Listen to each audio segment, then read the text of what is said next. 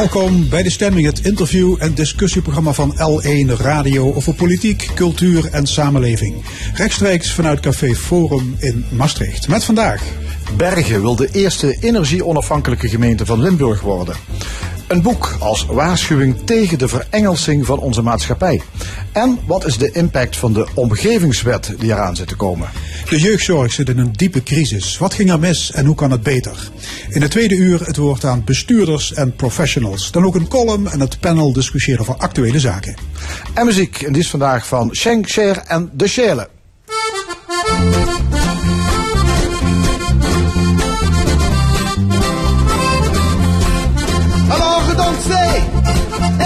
Danser le jeune, on va ce soir, on s'amuser et fait danser le ce soir.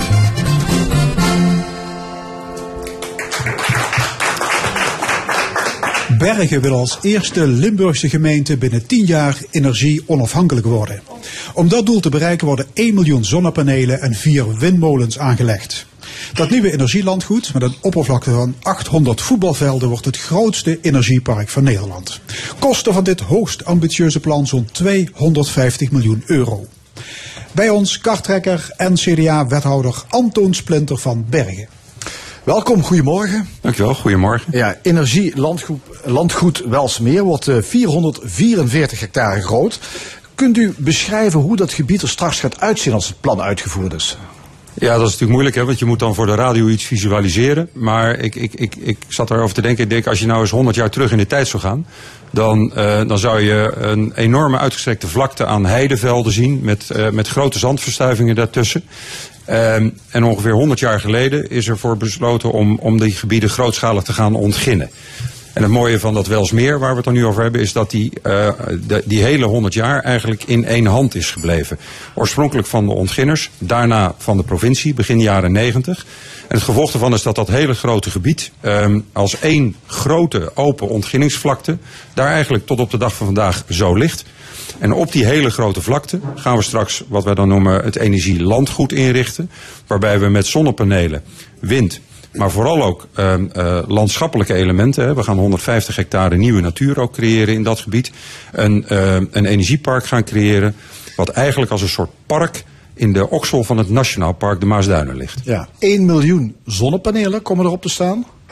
En nog een aantal windmolens. Ja, ja het punt is een beetje dat je met zonnepanelen heel veel bereikt. Maar wind op dit moment per molen ook nog een hele hoge opbrengst genereren. Daardoor hebben we voor de totale exploitatie die windmolens op dit moment ook nodig.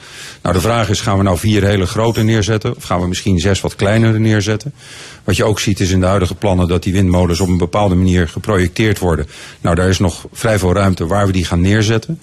En wat dan natuurlijk het bijzondere is, is dat met name onze Duitse buren er al een heleboel aan hun kant van de grens hebben staan. Waardoor in die hele landschappelijke inpassing die windmolens van ons min of meer tegen die Duitse windmolens, nou wegvallen wil ik niet zeggen, maar in ieder geval wel goed inpassen. Ja, maar ja, vooral 1 miljoen zonnepanelen, dat is natuurlijk, dat spreekt tot de verbeelding. Ja. In 2030 wilt u als gemeente energie onafhankelijk zijn. Lukt Ja. dat met dit park?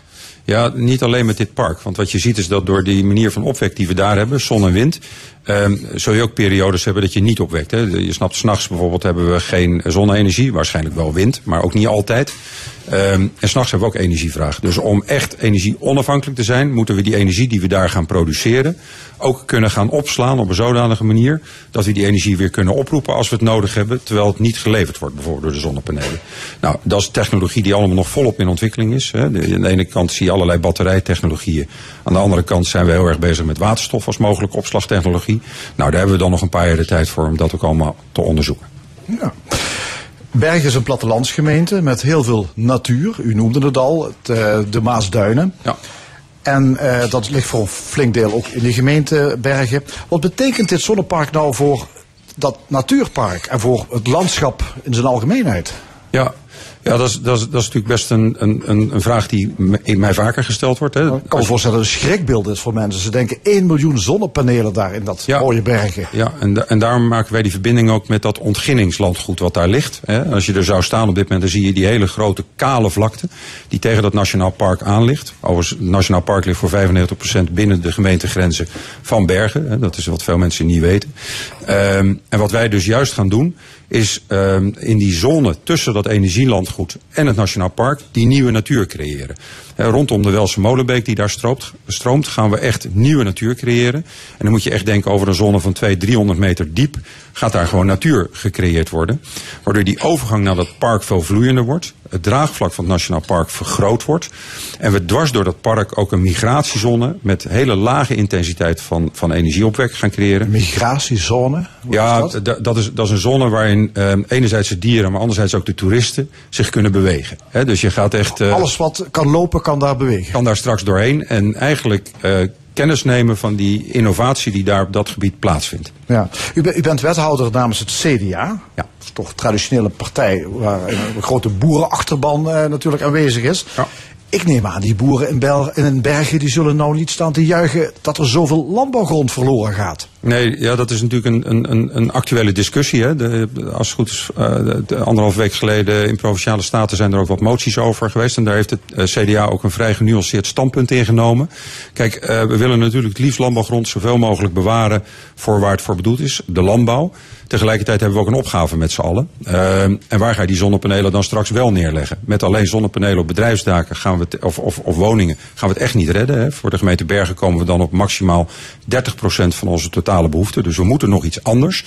Nou, wat hebben we nou in Bergen gedaan? In Bergen hebben we gezegd, uh, middels onze omgevingsvisie, waarbij we wat vooruitlopen op die omgevingswet die jullie straks nog gaan behandelen, hebben we een, uh, een, een, een visie zon en wind vastgesteld. En daarbij hebben we in Bergen gezegd, bij ons kan het ook alleen maar grootschalig binnen dat Welsmeer.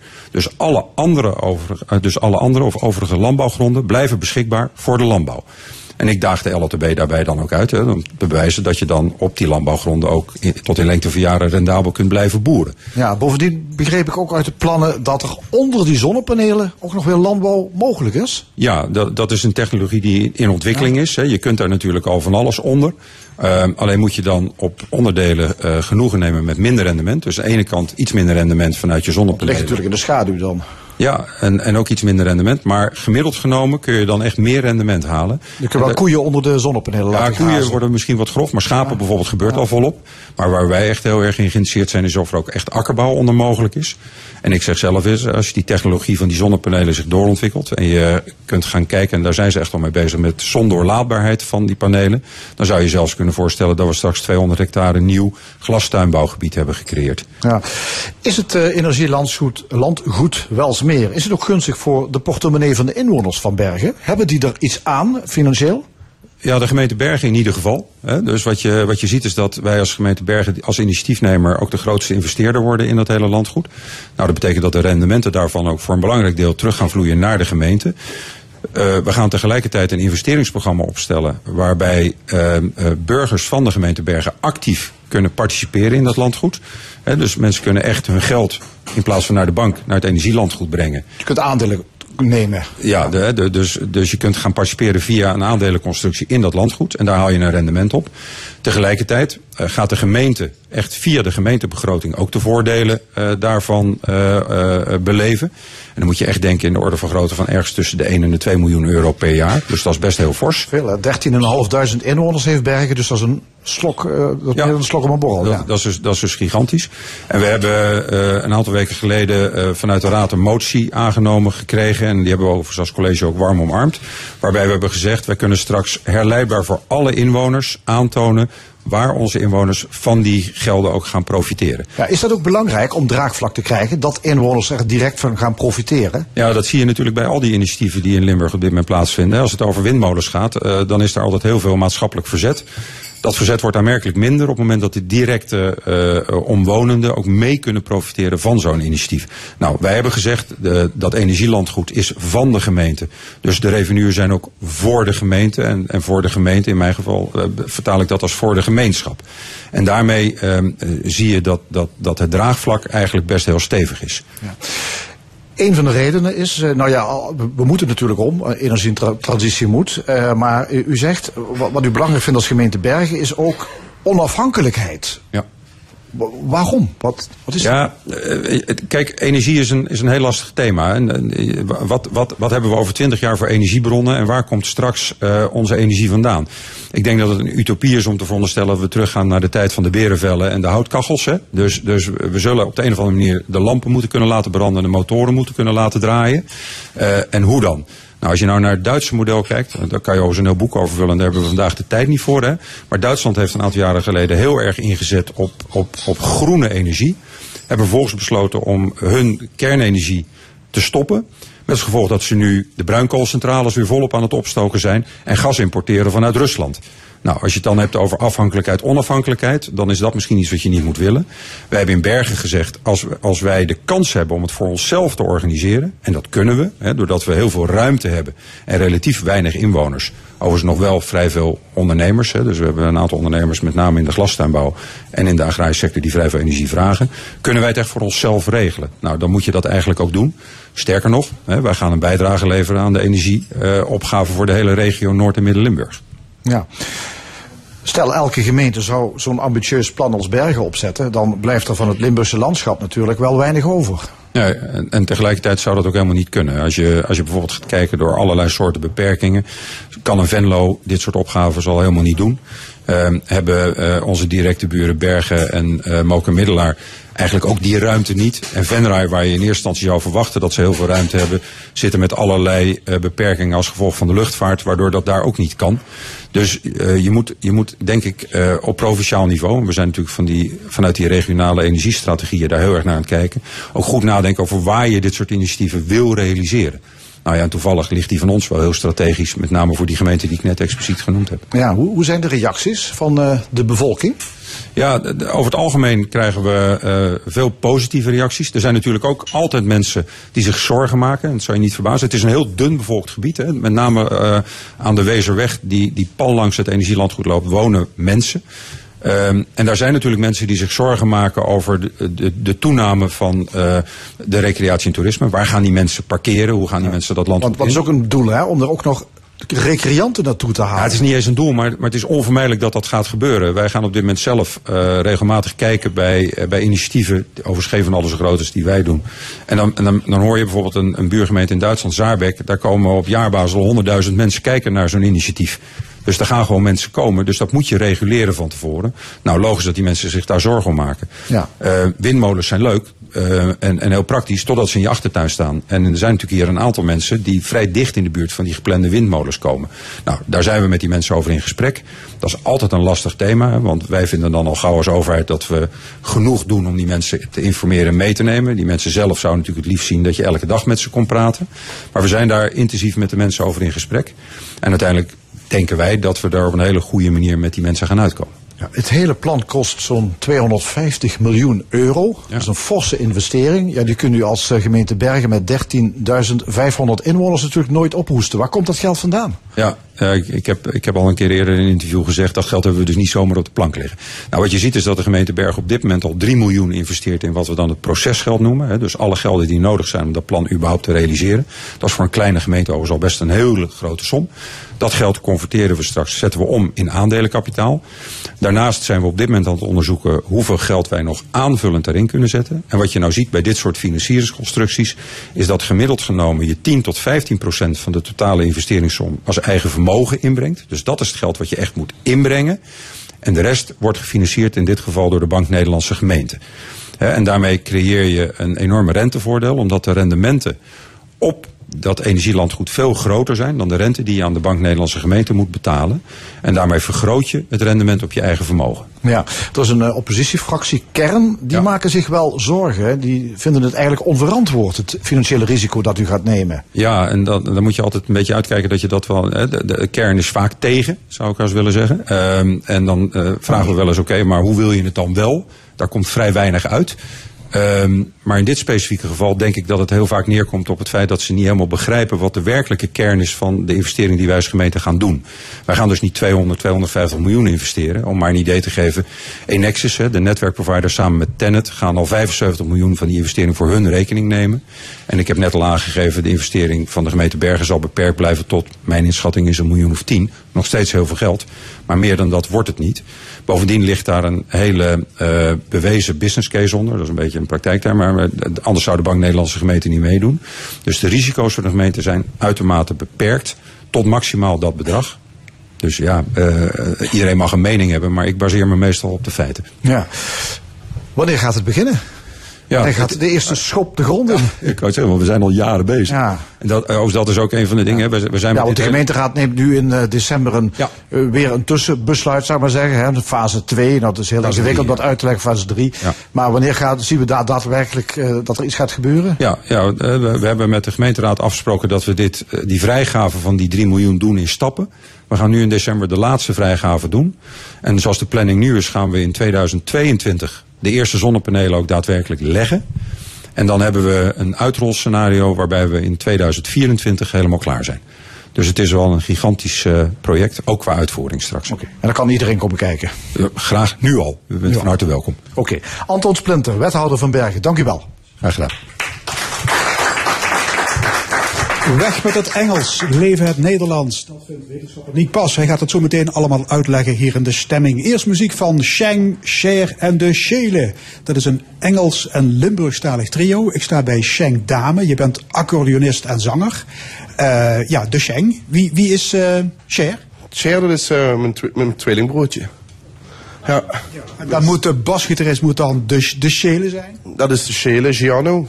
Dus uh, we zijn begonnen met een andere Shele. Die had een ontzettend grote bril. En ik noemde hem altijd gekscherend. Uh, hey Shele. En hij zei, hey Lillekart. En, uh, maar hij is geëmigreerd voor drie jaar naar Aruba.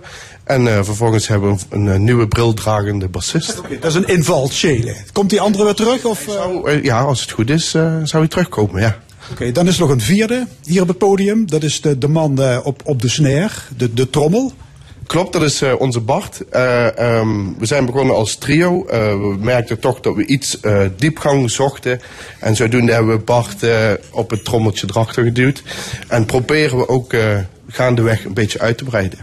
Jullie hebben net een paar theatershows achter de rug. Onder de naam Once Upon a Time in the South. Moet dat weer in het Engels? Um, ja, moet dat weer in het Engels? Ja, dat moet. Omdat uh, het is een country show. Uh, we hebben ook op het podium een hele saloon nagebouwd, zeg maar. We doen 28 oude country liedjes van onder andere Willie Nelson, Johnny Cash. En ja, dan moet het in het Engels. Okay. Wanneer kunnen we die show weer zien? Uh, de komende show is 23 mei pas weer in Landgraaf. Mocht er niks tussen komen. Maar dat zult u dan wel op Facebook kunnen vinden. En er zijn plannen voor een tourneetje door Ierland? Klopt. We willen eigenlijk, dus dit jaar hebben we gekozen voor country. En volgend jaar zouden we heel graag een Ierse show op touw willen zetten. En dan willen we graag inspiratie opdoen in Ierland en het eind juni. En jullie spelen een mix van blues, folk, country, hoempapa? Klopt, klopt. Dus uh, er komt ook dialect bij kijken en uh, feestmuziek. Maar ook uh, ontroerende ballades. Van alles. Ja, zongen of in het Engels of in het plat. Klopt. En dan willen we in de Ierse show willen we daar proberen een crossover in te maken. Dat we dus beginnen bijvoorbeeld in het Engels en dan toch lekker chauvinistisch in het Limburgs doorgaan. Okay. Wat wordt het eerste nummer? Uh, het eerste nummer is He'll Have To Go van Ry Cooder en Flaco Jiménez. Okay. Dus niet in de versie van Jim Reeves, maar Ry Cooder. Klopt. Goed, Sheng Dame, hartelijk dank. Zet hem op. Hier zijn Sheng, Sheer en De Shele. Yes.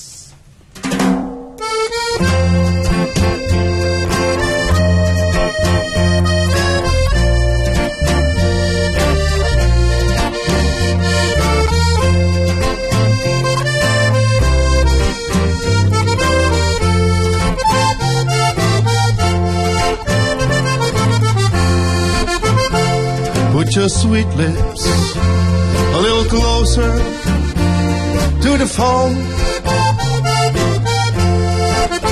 And let's pretend that we're together alone.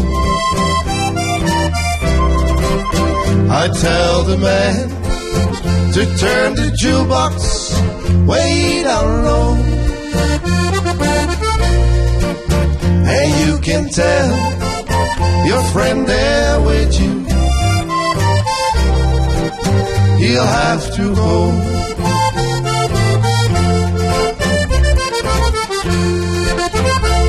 Whisper to me, tell me do you love me true? Or is he holding you the way I do? Is blind.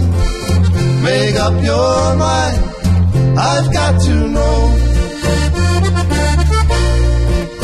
Should I hang up or will you tell him? He'll have to go.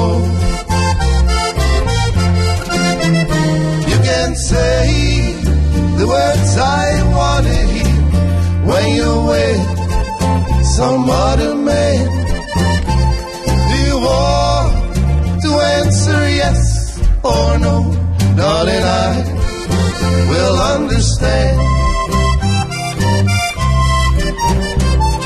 Your sweet lips a little closer to the phone. And let's pretend that we're together alone. I tell the man to turn the jukebox way down low. And you can tell your friend there with you. You'll have to go.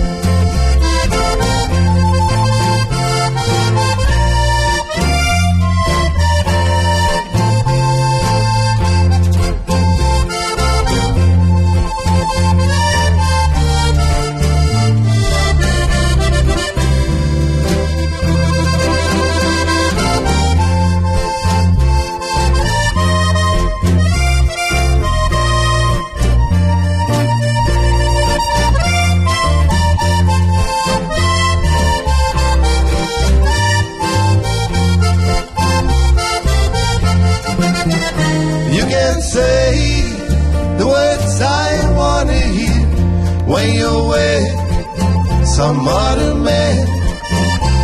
Do you want to answer yes or no? Darling, I will understand. With your sweet lips a little closer to the phone. And let's pretend that we're together alone. I tell the man to turn the jukebox way down low. And you can tell your friend there with you. You'll have to go.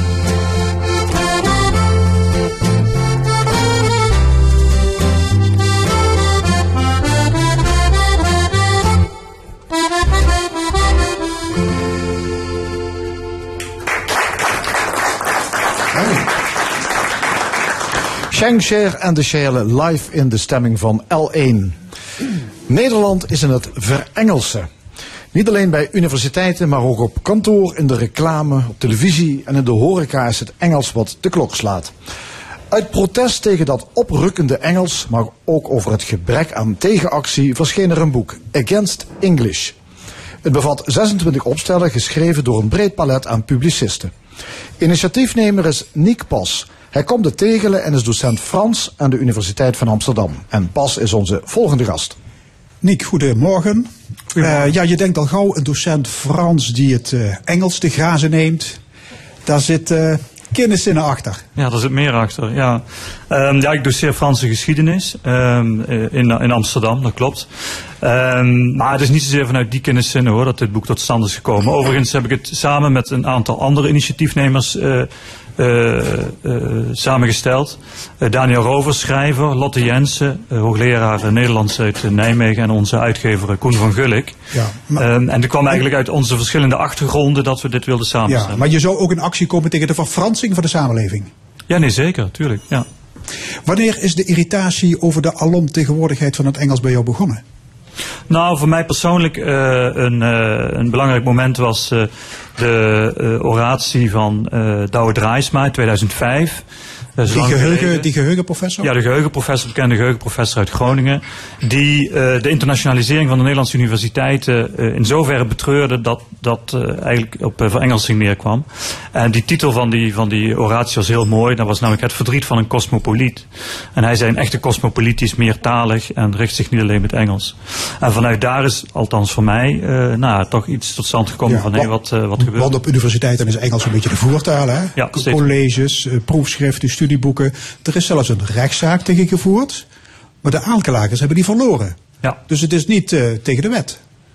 Nee, maar de wetgever, wetgever is sowieso eh, afwezig waar het gaat om verengelsing, maar ook eh, waar het gaat om pleidooi voor het Nederlands. Hè. Dus eh, de bundel, eh, dat, dat is de ondertitel van de bundel, is met name ook een pleidooi voor het Nederlands. Dus die twee eh, fenomenen hangen natuurlijk met elkaar samen.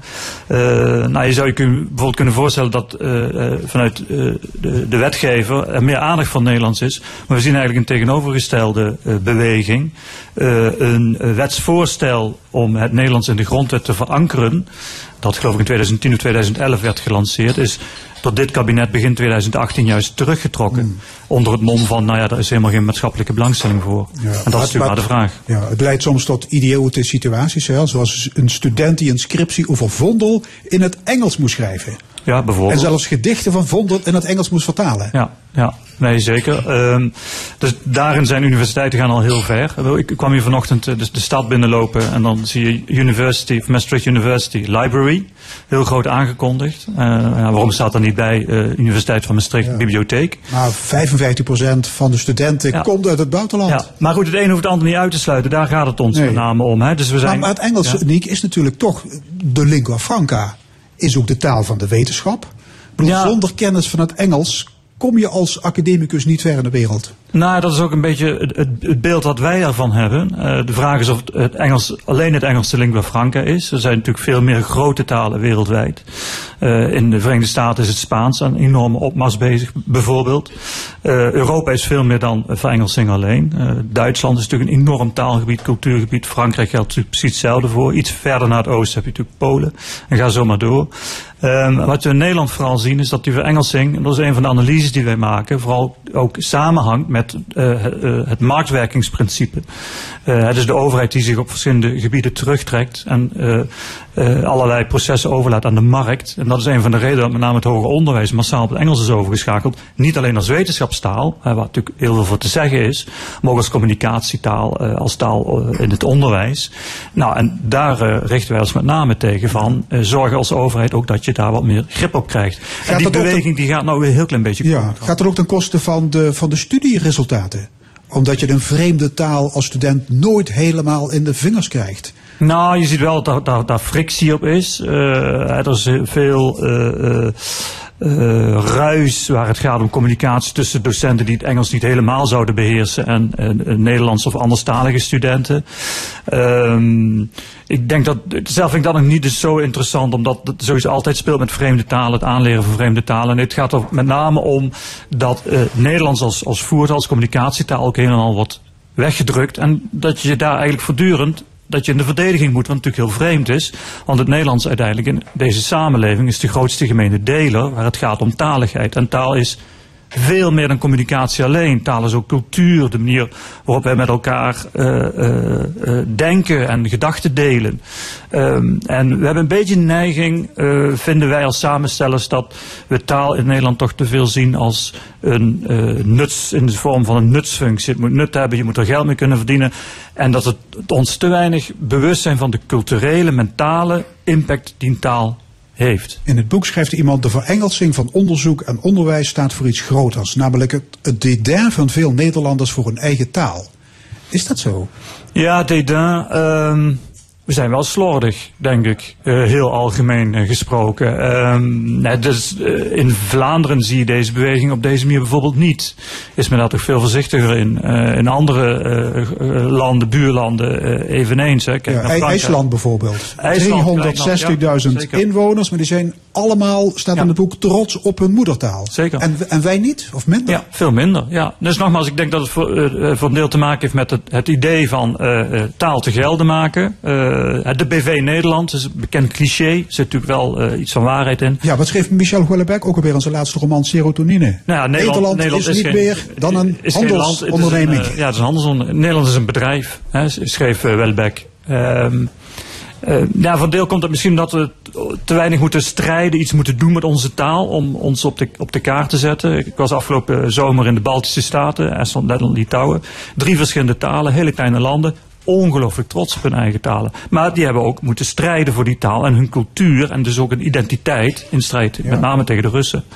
Uh, en ja, dat element uh, ontbreekt hier helemaal. Het is heel erg marktgericht, marktwerking. Sterker nog, we, we schaffen de opleiding Neerlandistiek aan de Universiteit in Amsterdam af. Ja, aan de VU is Vijf studenten per jaar, Klopt. niet rendabel. Ja, ja precies, het, het rendementsdenken, absoluut. Ja, dat is heel dominant. Ja. Nick, voor het boek heb je ook een interview gemaakt met ene Rachma El Mouden.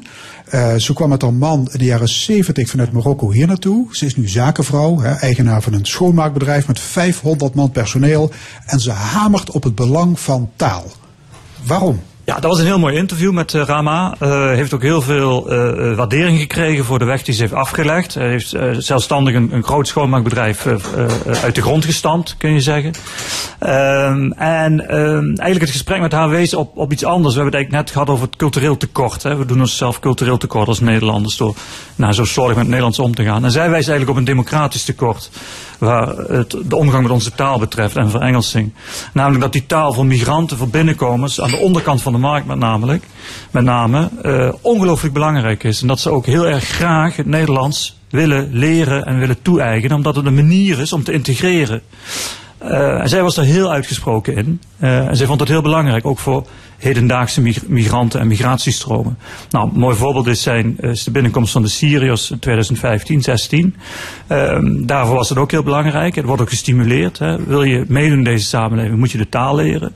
Wat niet wil zeggen dat andere talen niet belangrijk zijn. Engels ook niet. Nou ja, maar niet, niet alleen meedoen. Ze zegt, als je de taal niet leert, hou je niet van Nederland. Ook. Dus het, het, het gaat zelfs verder. Hè. Um, en uh, zij is daar heel uitgesproken in. Um, en nou, wat je eigenlijk ziet is dat we aan de ene kant ook als samenleving als het ware eisen aan nieuwkomers van leer die taal. Dat is belangrijk om mee te doen. Uh, om dit land te, te, omarmen, de cultuur, de samenleving. Aan de andere kant zie je toch een, een beweging, nou ja, uh, met name in dat hoger onderwijs, in bepaalde sectoren. Nou, voor Engelsing en dat Nederlands doet er dan niet toe. Nou, dan kun je toch afvragen of dat niet ergens toch een, een spanningsveld creëert in de samenleving. Waarbij niet aan iedereen die binnenkomt dezelfde eisen worden gesteld. Ja. Ja, die uh, verengelsing die is alom. Hè? Niet alleen in het hoger onderwijs, ook in de reclame wordt veel Engels gebruikt. Uh, de televisie, hè? The Voice of Holland, First Dates, Hotter Than My Daughter, Mindfuck. Ik kan eindeloos doorgaan. The Passion, Masterclass. Wat is dat toch?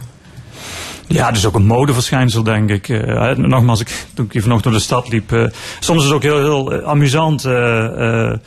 Ergens stond in mijn winkel, be cool, eat moel. ja, dat is zo samenstrekking met Engels en Frans. Ik vond dat wel grappig. eat moel? Eat moel, ja. Dus, mosselen? mosselen, ja.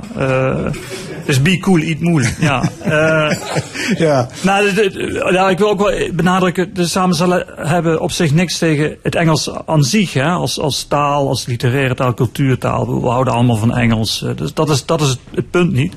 Um, maar je ziet wel dat het een soort modeverschijnsel is. En dat ook steeds vaker dat je wordt aangesproken in winkels of bij uh, de fietsenmaker. Ja, ook, ook, in de horeca. In Engels. En er zijn mensen die zich daar groen en geel aan ergeren. Ja, zeker. We hebben heel veel reacties gekregen. Uh, jij jij ook? Ja. Voel je ook ergens opkomen als een ober je in het Engels aanspreekt? Nou ja, wat ik zeg, ik kwam laatst bij de, bij de fietsenmaker bij ons uh, in de stad. En een jonge knol komt naar me toe en begint het Engels tegen mij. Dus ik had zoiets, ik was eigenlijk, eigenlijk verbrouwereerd, want dat, dat verwacht ik niet. Uh, dus, maar het is meer verbazing van waar komt het dan vandaan. En uh, nou ja, misschien is het toch ook wel aardig om een aantal woorden Nederlands te ja, Dat is natuurlijk vooral zo in studentensteden, denk ik. Ja, Amsterdam, Utrecht, Maastricht. Nou, ik heb die idee dat In hoef je daar niet bang voor te zijn dat je in het Engels wordt aangesproken. nou, misschien nog niet, nee. nee. Dan moet je, dan moet je vlier best eens op in het, in, het, in het Limburgs bestellen, denk ik. Ja. Hey, maar als we zo dol zijn op het Engels, beheersen we die taal dan ook goed? Wat denk ja, jij? Nou, dat is ook maar de vraag. Hè. Ik denk het niet. Ik wil, we maken ook een, een, een pleidooi voor eh, of tegen een bepaalde vorm van verengelsing die om zich heen grijpt. Het globish, hè, wat, wat dan zou bestaan uit ongeveer 1500 woorden. Een soort, soort pidgin-Engels. eh. Ehm, dus we denken vaak dat we het Engels beter beheersen dan, dan eh, in de praktijk blijkt. Eh, er worden ook een aantal voorbeelden van gegeven. Ehm, maar eh, ja, dat komt misschien ook doordat we denken als Nederland zijn. We liggen dicht natuurlijk bij, ook bij, bij Engeland. Eh, onze blik, ook politiek, is toch lange tijd heel erg Atlantisch geweest. En, en eigenlijk nog steeds. Ehm, maar tegelijkertijd ja, keren we ook een beetje de rug toe naar, naar Europa. Naar, met name Duitsland, toch heel belangrijk. En, en onze zuiderburen. Ehm, ehm, dus ja, we denken dat het Engels beter beheersen dan we het eigenlijk eh, beheersen. Die Engelse pletwals komt natuurlijk in veel meer landen voor. Ja, jij bent francofiel. Hoe gaan ze daar in Frankrijk mee om? Ehm, ze worden met dezelfde, hetzelfde fenomeen geconfronteerd, eh, de, de samenleving. Waar waarbij je zou kunnen zeggen dat Nederland voorop loopt. Eigenlijk voortdurend aan het peloton ontsnapt, om het zo te zeggen. Om die wielermetafoor te gebruiken. Zie je dat Frankrijk eigenlijk voortdurend aan het elastiek hangt in dit soort ontwikkelingen. Ehm, dus daar mag wel een tandje worden bijgeschakeld om mee te doen, internationaal. Engelse taal van mondialisering, et cetera. Ehm, maar tegelijkertijd is die Franse maatschappij en samenleving veel robuuster en heeft veel meer ankers eh, ten aanzien van de eigen taal. Hè. Het, Frans is in de grondwet verankerd door, door eh, François Mitterrand. Eh, niet toevallig op het moment dat Europa hier in Maastricht in de jaren negentig veel meer beslag kreeg. Dus Mitterrand had heel goed begrepen dat hij de taal moest, moest, op een bepaalde moest beschermen, de eigen taal. En daarnaast heeft Frankrijk natuurlijk een aantal instituten, vermaarde instituten, die als een soort Pretoriaanse garde voor die taal staan. En de bekendste is de, de Académie Française. Die, als, Franse eh, erfgoed wordt veel beter ja, bewaakt. zeker. Ja. En- En ik denk wat heel belangrijk is, ook in de samenleving, nogmaals in de cultuur en de samenleving en de manier waarop Frans ook met elkaar omgaan, is een veel groter taalbewustzijn en eh, wat taal betekent voor een samenleving. En wat ik wel mooi vond, was dat de Franse taalkundige Agege een keer het begrip citoyenneté de la langue heeft gemunt. Dus taalburgerschap. En dat vind ik wel heel mooi, waarbij dus het burgerschapsideaal, dus hoe je als burger verhoudt tot een samenleving, tot een, ja, in een natiestaat, dat dat ook onlosmakelijk verbonden is eh, tot jouw houding, tot, tot de taal. En dat is iets wat in Nederland eigenlijk ja, volstrekt ontbreekt. Nick, tot slot. eh, gaat dit boek iets, iets uithalen? Moet dit leiden tot een soort tegenoffensief om het, om het oprukkende Engels te stoppen? Nou, misschien dat het het oprukkende Engels niet zozeer stopt, als dat het wel een pleidooi is nogmaals voor, voor nou, wat, wat, eh, wat willen we nou met Nederlands? Wat, wat is de betekenis van Nederlands voor deze samenleving? Ehm, er is ongelooflijk veel belangstelling voor, dat ons eigenlijk zelf ook wel verrast eh, heeft, moet ik Ze hebben zeggen. een open zenuw geraakt. Nou ja, we hebben wel ergens iets, iets geraakt, absoluut. Ja. En de vraag is dus hoe dat dan verder eh, zou, zou moeten. Komt hier een, een soort van beweging uit? Eh, nou, ik hoop toch op de een of andere manier dat dit ook in de politiek toch weer wordt opgepakt. Al is het maar om er eh, weer eens een debat over te voeren. Ja, maar straks liggen die Britten uit de EU en dan zingt de Engelse taal vanzelf een toontje lager. Ja, nou ja, er wordt ook gezegd dat juist het tegenovergestelde gaat plaatsvinden. Dus dat is allemaal nog niet zo zeker. Maar het zou wel mooi zijn als het, als het ergens wordt opgepakt. En onder meer in Den Haag weer eens op de agenda komt. Oké, Het boek Against English, pleidooi voor het Nederlands, is verschenen bij uitgeverij Wereldbibliotheek. Nick Pas, hartelijk dank. Graag gedaan. Ja, meertaligheid is zonder meer een zegen. En we gaan nu luisteren naar een eh, muziek in een taal die u vanochtend in elk geval nog niet gehoord heeft. Op het podium Schenkser en de Sjele. En we gaan luisteren naar hun uitvoering van de Bosnische zanger Goran Bregovic in de Roma-taal. Dit is Buba Mara.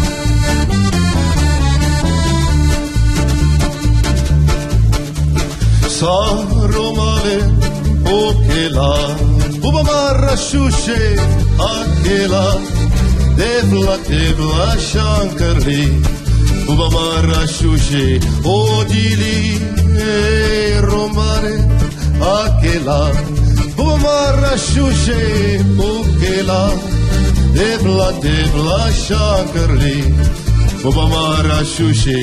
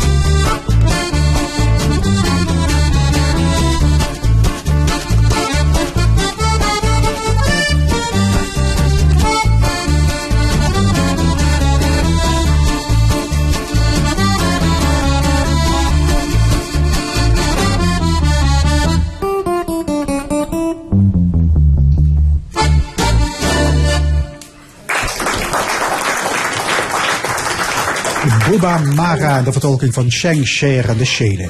U luistert naar L1, meer speciaal naar de stemming. Iedere zondag van 11 tot 1 vanuit Café Forum in Maastricht. Op 1 januari 2021, het duurt nog even, wordt de omgevingswet ingevoerd. Alle bestaande voorschriften, regels en wetten op het gebied van ruimte, wonen, infrastructuur en milieu worden dan gebundeld en vereenvoudigd. Over het grote belang van die omgevingswet gaan we praten met adviseur ruimtelijke ordening Trace van der Schoot en met kansenmakelaar Tirza Hoeben. Ja, Trace van der Schoot, ehm, als je nu een eh, schuurtje wil bouwen, een, fabriek wil eh, neerzetten of een weg wil aanleggen, het maakt niet uit. Je hebt met heel veel regels te maken tegenwoordig. Die omgevingswet die gaat eigenlijk alles op de schop nemen. Het wordt helemaal anders. Is, en is uit te leggen hoe anders het wordt? Ja, kijk, jij noemt uh, nou de juridische invalshoek. Hè? Van je hebt heel veel regels in heel veel verschillende wetten. En de bedoeling is dat er straks één wet komt en op gemeenteniveau één plan. En in dat plan, daar vind je dan alles wat er geldt voor de fysieke leefomgeving. Of het nou dat schuurtje is, of bomen die je wilt kappen, of planten, monumenten die je wilt bewaren. staat alles in dat ene plan. Maar moet ik gelijk maar zeggen, dat is maar alleen maar de juridische invalshoek. Die is al wel op zich ingewikkeld. Maar het gaat eigenlijk vooral om een hele andere benadering. Van hoe kijk je naar die fysieke leefomgeving? Daar moet je op een integrale manier naar kijken. En we zijn gewend om dat verkokerd te bekijken. Ja, we, kijken, allemaal naar deeltjes. We kijken allemaal naar deeltjes. kappen, moet ik een Ja. kapvergunning, wil ik Ja. een schuurtje bouwen, dan nou ja, krijgen we weer iets heel anders. Ja, en vaak bij grotere projecten is het toch vooral economie en financiële haalbaarheid wat dan de doorslag heeft. Ehm, de omgevingswet die zegt je moet de leefomgeving op zichzelf voorop en je moet de economie daarop afstemmen. Dus daar zit al een beeld in van een hele andere economie waar we naartoe moeten. Ehm, een integrale benadering had je net ook een mooi voorbeeld van gemeente Bergen. Vroeger Vroeger, jaren 90, zouden we gewoon een stuk landbouwgrond hebben gekocht. Een ontwikkelaar en die zou dat voorgelegd hebben met eh, zonnepanelen. Mensen zouden erop tegen zijn, dan ga je in beroep. Wordt dan bij de rechter afgewezen, want energie is zo belangrijk. En dat was het dan. Nu zie je een verhaal dat de wethouder zegt, wij gaan zoeken naar hoe kunnen we dat samen met inwoners doen. En hoe kunnen we eh, nou naar een win-win situatie. Dat je ook recreatie hebt en ook Dus, dus natuur. het voorbeeld van Bergen, dat is, of dat Bergen, dat is eigenlijk een voorbeeld van hoe dat in, in de Ja. nieuwe situatie gaat lopen. Dat is 100% nieuwe benadering van de eh, omgevingswet. Punt is wel, wat de wethouder ook zegt, wij zijn dun bevolkt en we hebben veel ruimte. En het probleem van Nederland is, wij zijn dicht bevolkt en we hebben weinig ruimte. Ja. En dan zie je dat met die stikstofproblematiek, dan zie je dat de ene week rijden de boeren het Malieveld plat, andere week rijden de bouwers het Malieveld plat. Eh, ze hebben dezelfde argumenten, maar wel tegengestelde belangen. En dat is het hele probleem waarvan ik dus met Terza sollicitatiegesprek ben gekomen. Ja, het is 20% nieuwe regels. Het is 80% anders kijken, anders werken. Maar het is 100% politiek. Ja, Welke keuze neem je? Ja, Teresa, je bent kansenmakelaar. Je, je, je, hebt veel te maken met mensen die eh, problemen hebben. eh, en, en misschien ook met de overheid, die eh, zich niet gehoord voelen. In die nieuwe omgevingswet is het de bedoeling dat omwonenden in een vroeg stadium betrokken worden bij plannen. Bijvoorbeeld bouwplannen, noem maar iets op. Ehm, hoe zou dat idealiter moeten gaan uitzien?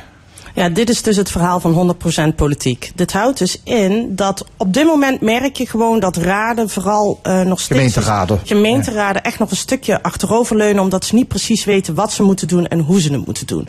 En zeker als het aankomt op burgerparticipatie. Dat betekent dus dat ze in die afwachtende rol gaan kijken naar het ambtelijke orgaan, wat die voor plannen gaan aan het schrijven zijn. BN, BNW komt Ja. met een plan. Het college komt naar buiten met een plan en dan schieten ze er weer op. Dat is de oude weg van eh, wat, ja, wat ze gewend zijn. De bedoeling is juist dat de gemeenteraden nu zelf actief aan de slag gaan en beleid gaan bepalen. Regels gaan opstellen en die moeten ze gaan controleren. En één daarvan is inderdaad, hoe gaan wij die burgers nou nauw betrekken bij dat nieuwe verhaal? Op dit moment is het vanaf 2021 zijn het eh, de aannemers de architecten, de ontwikkelaars, die moeten eigenlijk dus die burgers intensief betrekken voordat de plannen komen. Dus je bent, on- eh, je bent ontwikkelaar, je wil ergens Ja. eh, een, een, een rij huizen neerzetten. Dan moet jij de omgeving erbij gaan betrekken op de een of andere nou, manier. verwachten wij nou echt dat dit gaat gebeuren? Daar heeft die projectontwikkelaar helemaal geen verstand van. Nou, nu zeg je precies waar het om gaat. Maar hier moet de raad over na gaan denken. En hier moet hij haar college een opdracht in gaan geven. En dat betekent dus dat een gemeenteraad goed moet nadenken. Wat wil ik nou met mijn gemeente? Wat wil ik met mijn leefomgeving? Hoe moet dat eruit gaan zien? Welke opdracht geef ik mijn gemeente ermee? Om het te controleren dat het goed gaat gebeuren. En mogen wij verwachten dat bijvoorbeeld een ontwikkelaar dit gaat doen? Of vinden wij dat de gemeente daar veel meer invloed moet uitoefenen? En dus hulpende hand moet bieden? Maar dat is de raad die hierover na moet denken. Ja, en ik begrijp, er zijn al wat projecten, er zijn al wat ehm, proefprojecten uitgevoerd. En dat loopt niet overal goed. Hè? Er zijn Ja. voorbeelden van participatie van burgers. En dan op een gegeven moment dat loopt dan. De gemeente neemt dat eigenlijk niet echt serieus, blijkbaar. Nou ja, kijk, ehm, vanaf het begin van eh, dat ze met, in Den Haag met deze wet bezig zijn, zijn ze ook gestart met het programma aan de slag met de omgevingswet. Want het idee was, als we gelijk gaan oefenen, en oefenen kan dan ook nog juridisch geborgd worden via de crisis- en herstelwet, dan hebben we straks, als het in werking treedt, hebben we dan voorbeelden hoe het moet. Een soort Maar- laboratorium. ja. een soort laboratorium. Maar nou, als je dan kijkt, er zit ook een inspiratieboek participatie bij. En als je dat dan bekijkt, dan merk je, er zijn evenveel gevallen die geslaagd zijn, als dat er gevallen zijn die niet geslaagd Ja. zijn. En, waarom En- slagen ze bijvoorbeeld niet? Want dat is natuurlijk interessant. Nou ja, heel interessant was, ik heb eh, zitten lezen, de Eerste Kamer die moet deze maand beslissen, gaat het door op die datum en wat is dan de wettekst? En die hebben allerlei mensen uit de praktijk gevraagd van, nou kom eens vertellen. En die hadden een, het Kronenburg-initiatief uit Nijmegen gevraagd. En eigenlijk was dat een soort van schoolvoorbeeld van hoe het eigenlijk zou moeten. Alleen heeft het initiatief zich vlak voordat ze bevraagd werden opgeheven, omdat het hele initiatief was mislukt. En als je dan... wat was het mislukt? Eh, Ja, eh, ik zal even kijken. Wat, eh, helaas zien wij nu die participatie vastlopen, zegt die meneer. En dan komt er een heel verhaal over. De gemeente neemt aanbevelingen niet over. Ze wijken van de afspraken af. Dan eh, worden er nieuwe afspraken gemaakt. Die komen dan ook weer niet in de visie terecht, et cetera. En uiteindelijk zeggen de burgers van, nou ja, weet je wat. Kijk het maar. Dan doen we niet meer mee.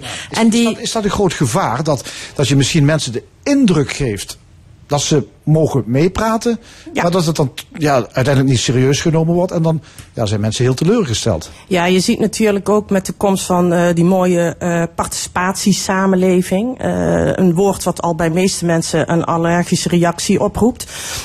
Dus het, het, het probleem is, op dit moment zie je nog dat heel veel gemeentes in de oude traditie burgers laten participeren. Dat zijn die bekende bijeenkomsten, dan mag je posters gaan plaatsen allemaal. Je mag allemaal je zegje doen.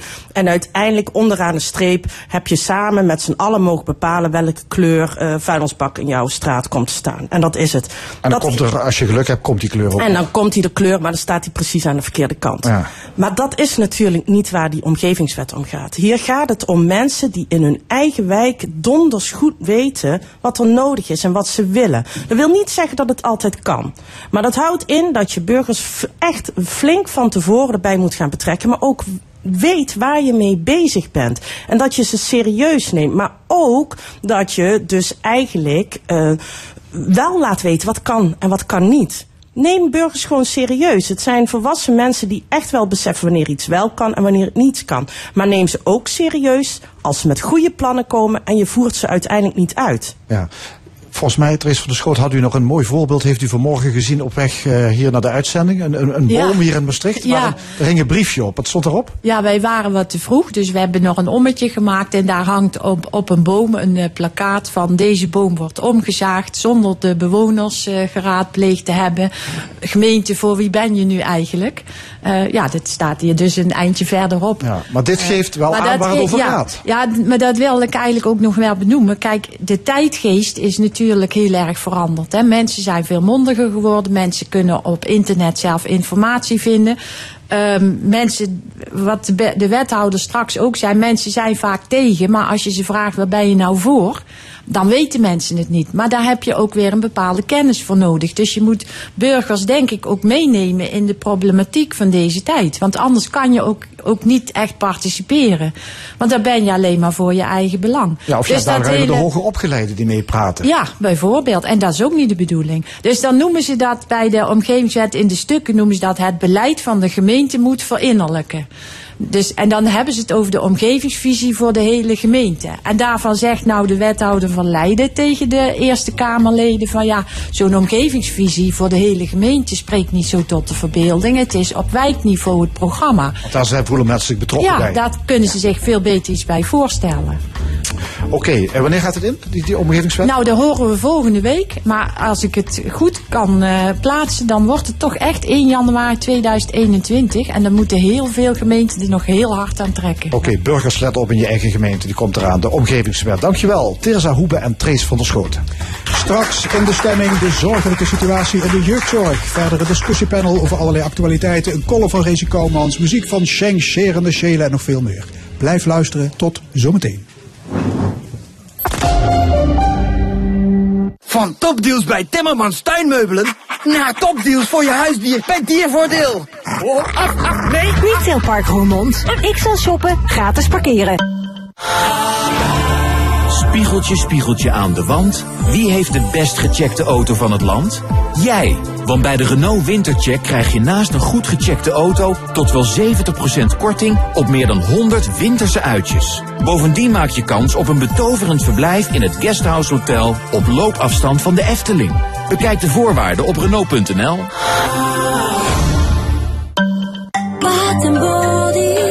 De badkamerspecialist van ontwerp tot realisatie. Ga naar Technisch Bureau Aarts in Borren. VGZ helpt mensen als Han door het leefstijlprogramma Keer Diabetes 2 om te vergoeden. Als diabetes 2-patiënt ben je altijd moe. Ik kon niet eens de veters van de kleinkinderen strikken. Tot ik begon met Keer Diabetes 2 om. Je leert echt compleet anders leven. In vier weken was ik van mijn medicijnen af. Eindelijk kan ik weer die leuke opa zijn. Zo kijken we altijd met je mee naar wat er wel kan. VGZ met hart voor zinnige zorg. Lekkerste lekkers voor de feestdagen? Gefelicitaard.nl Altijd iets te vieren. Verzeker je via je werkgever bij VGZ voor extra voordeel. Kijk op vgz.nl slash collectief. Van een auto die is gekozen tot World Car of the Year 2019 mag u wat verwachten. Maar dat u er extra geld mee kan besparen? Bent u zakelijke rijder en kiest u voor het eind van dit jaar voor een volledig elektrische Jaguar I-Pace, dan betaalt u de komende jaren minder bijtelling, vanaf 299 euro per maand. Bovendien is de Jaguar I-Pace Business Edition direct uit voorraad leverbaar, zodat u nog dit jaar kunt profiteren. Meer informatie op jaguar.nl of bij de dealer. Jaguar, the art of performance. Yes, Woonexpress. Volop inspiratie, altijd boordevol acties en alles direct leverbaar. Bekijk de leukste meubels en accessoires in onze winkels of op woonexpress.nl.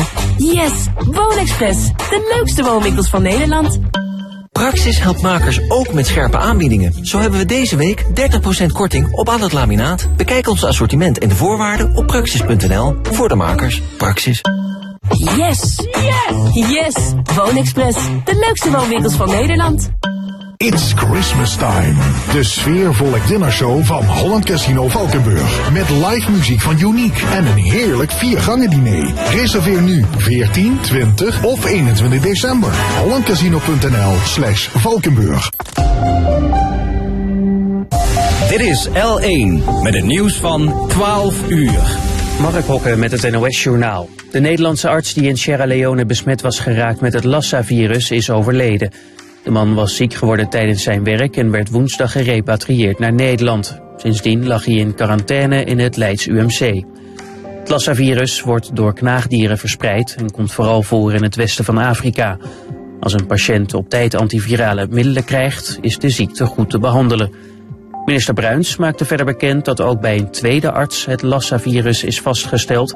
En ook die arts liep de besmetting op in Sierra Leone. In Duitsland is voor het eerst een IS-vrouw teruggekeerd met hulp van de regering. Ze kwam gisteren met haar kinderen aan op de luchthaven van Frankfurt en werd daar ondervraagd. Ze wordt verdacht van het aansluiten bij een terroristische organisatie. Afgelopen week oordeelde een gerechtshof in Duitsland in twee zaken dat de regering IS-vrouwen moet terughalen uit kampen in Noord-Syrië. Bij een vliegtuigongeluk in de Democratische Republiek Congo zijn zeker 17 inzittenden om het leven gekomen. Het toestel stortte neer in een wijk van de miljoenenstad Goma in het oosten van het land. Bij de districtsverkiezingen in Hongkong hadden vroeg in de middag al meer mensen gestemd dan tijdens de verkiezingen vier jaar geleden. In Hongkong zijn al maanden demonstraties tegen de invloed vanuit Peking. De verkiezingen worden dan ook als referendum gezien. Verwachting is dat de pro-Peking-partijen het minder goed zullen doen. En een Amerikaanse tv-presentator is overladen met steunbetuigingen nadat hij zich via de mail per ongeluk had ziek gemeld bij duizenden collega's. Hij kreeg daarop honderden bloemen en knuffels en berichten over hem op sociale media werden massaal gedeeld. Zelfs de politie van Kansas City deelde uiteindelijk een foto van de presentator met de tekst dat het inmiddels beter gaat. Het weer, droog, wolkenvelden en ook zon. Het wordt 7 graden in het noorden tot 10 in het zuiden. Morgen droog, maar later op de dag meer bewolking en s'avonds wat regen en dan een graad of 9. Dit was het NOS Journaal. Een nieuwe badkamer, tegels of sanitair? Vasen Tegels en Sanitair zal u verrassen met talloze ideeën. Ook voor alle renovatie- en bouwwerkzaamheden is Vasen in Urmond uw partner. Kijk op vasen-tegelwerken.nl Zo! Dit is leuk. Net gevonden via socialdeal.nl. Er even heerlijk tussenuit in een romantisch hotelletje. Inclusief ontbijt met 50% korting. Ik boek meteen. Schat, je weet toch, de beste deals vind je altijd op socialdeal.nl. Een extra reden om klant te worden bij Hof Horneman Bankiers. Ik weet graag wat ik eet, wat ik drink en zo weet ik ook graag waarin mijn geld is belegd. Ja, logisch hoor ik u denken, maar bij de meeste beleggingsfondsen heb je werkelijk geen idee. En daarom zit ik dus bij Hof Horneman, want met hun app kun je wel zien waarin je belegt. Dat is een goede app hoor. De goede bank heeft nu ook een goede app. Vraag ons kennismakingsboekje aan op hofhorneman.nl. Ook voor de leukste uitjes en beste hotels ga je naar socialdeal.nl. Met IKEA kan je alles maken. Alles kiezen, alles doen. Handig, duurzaam en betaalbaar. IKEA. Iedereen slim.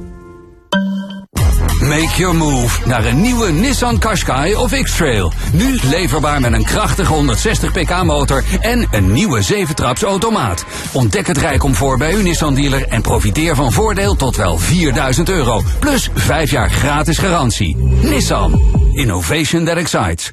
Ook met 5 jaar garantie de Nissan ENV200. De 100% elektrische bestelwagen. Nu nog met 4% bijtelling. Ontdek meer op nissan.nl.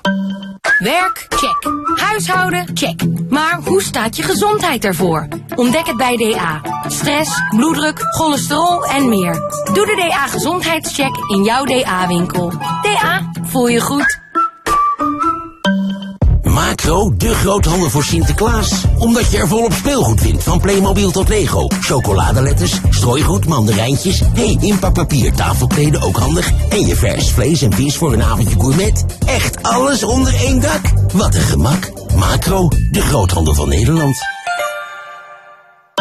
Voordeel? Check. Nu bij DA, L'Oréal Paris 1 plus 1 gratis. Tonzon. Slim energie besparen? Kijk dan zondag op SBS6 naar de Green Makeover. Kies voor klimaatefficiënt. Tonzon.nl Doe jij ook wat?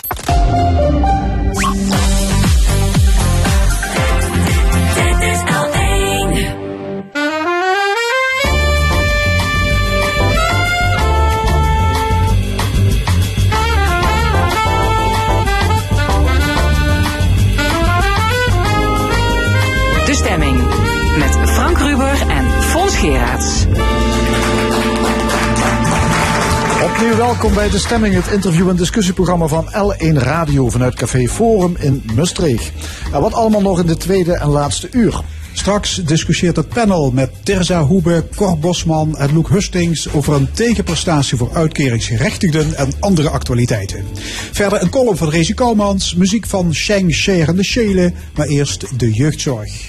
Het blijft rommelen in de jeugdzorg. Deze week had de Tweede Kamer forse kritiek op de plannen van minister Hugo de Jonge om de jeugdzorg weer te gaan hervormen. Dat er iets moet gebeuren staat buiten kijf, want er is te weinig geld, gemeenten zitten met grote tekorten en de wachtlijsten worden langer.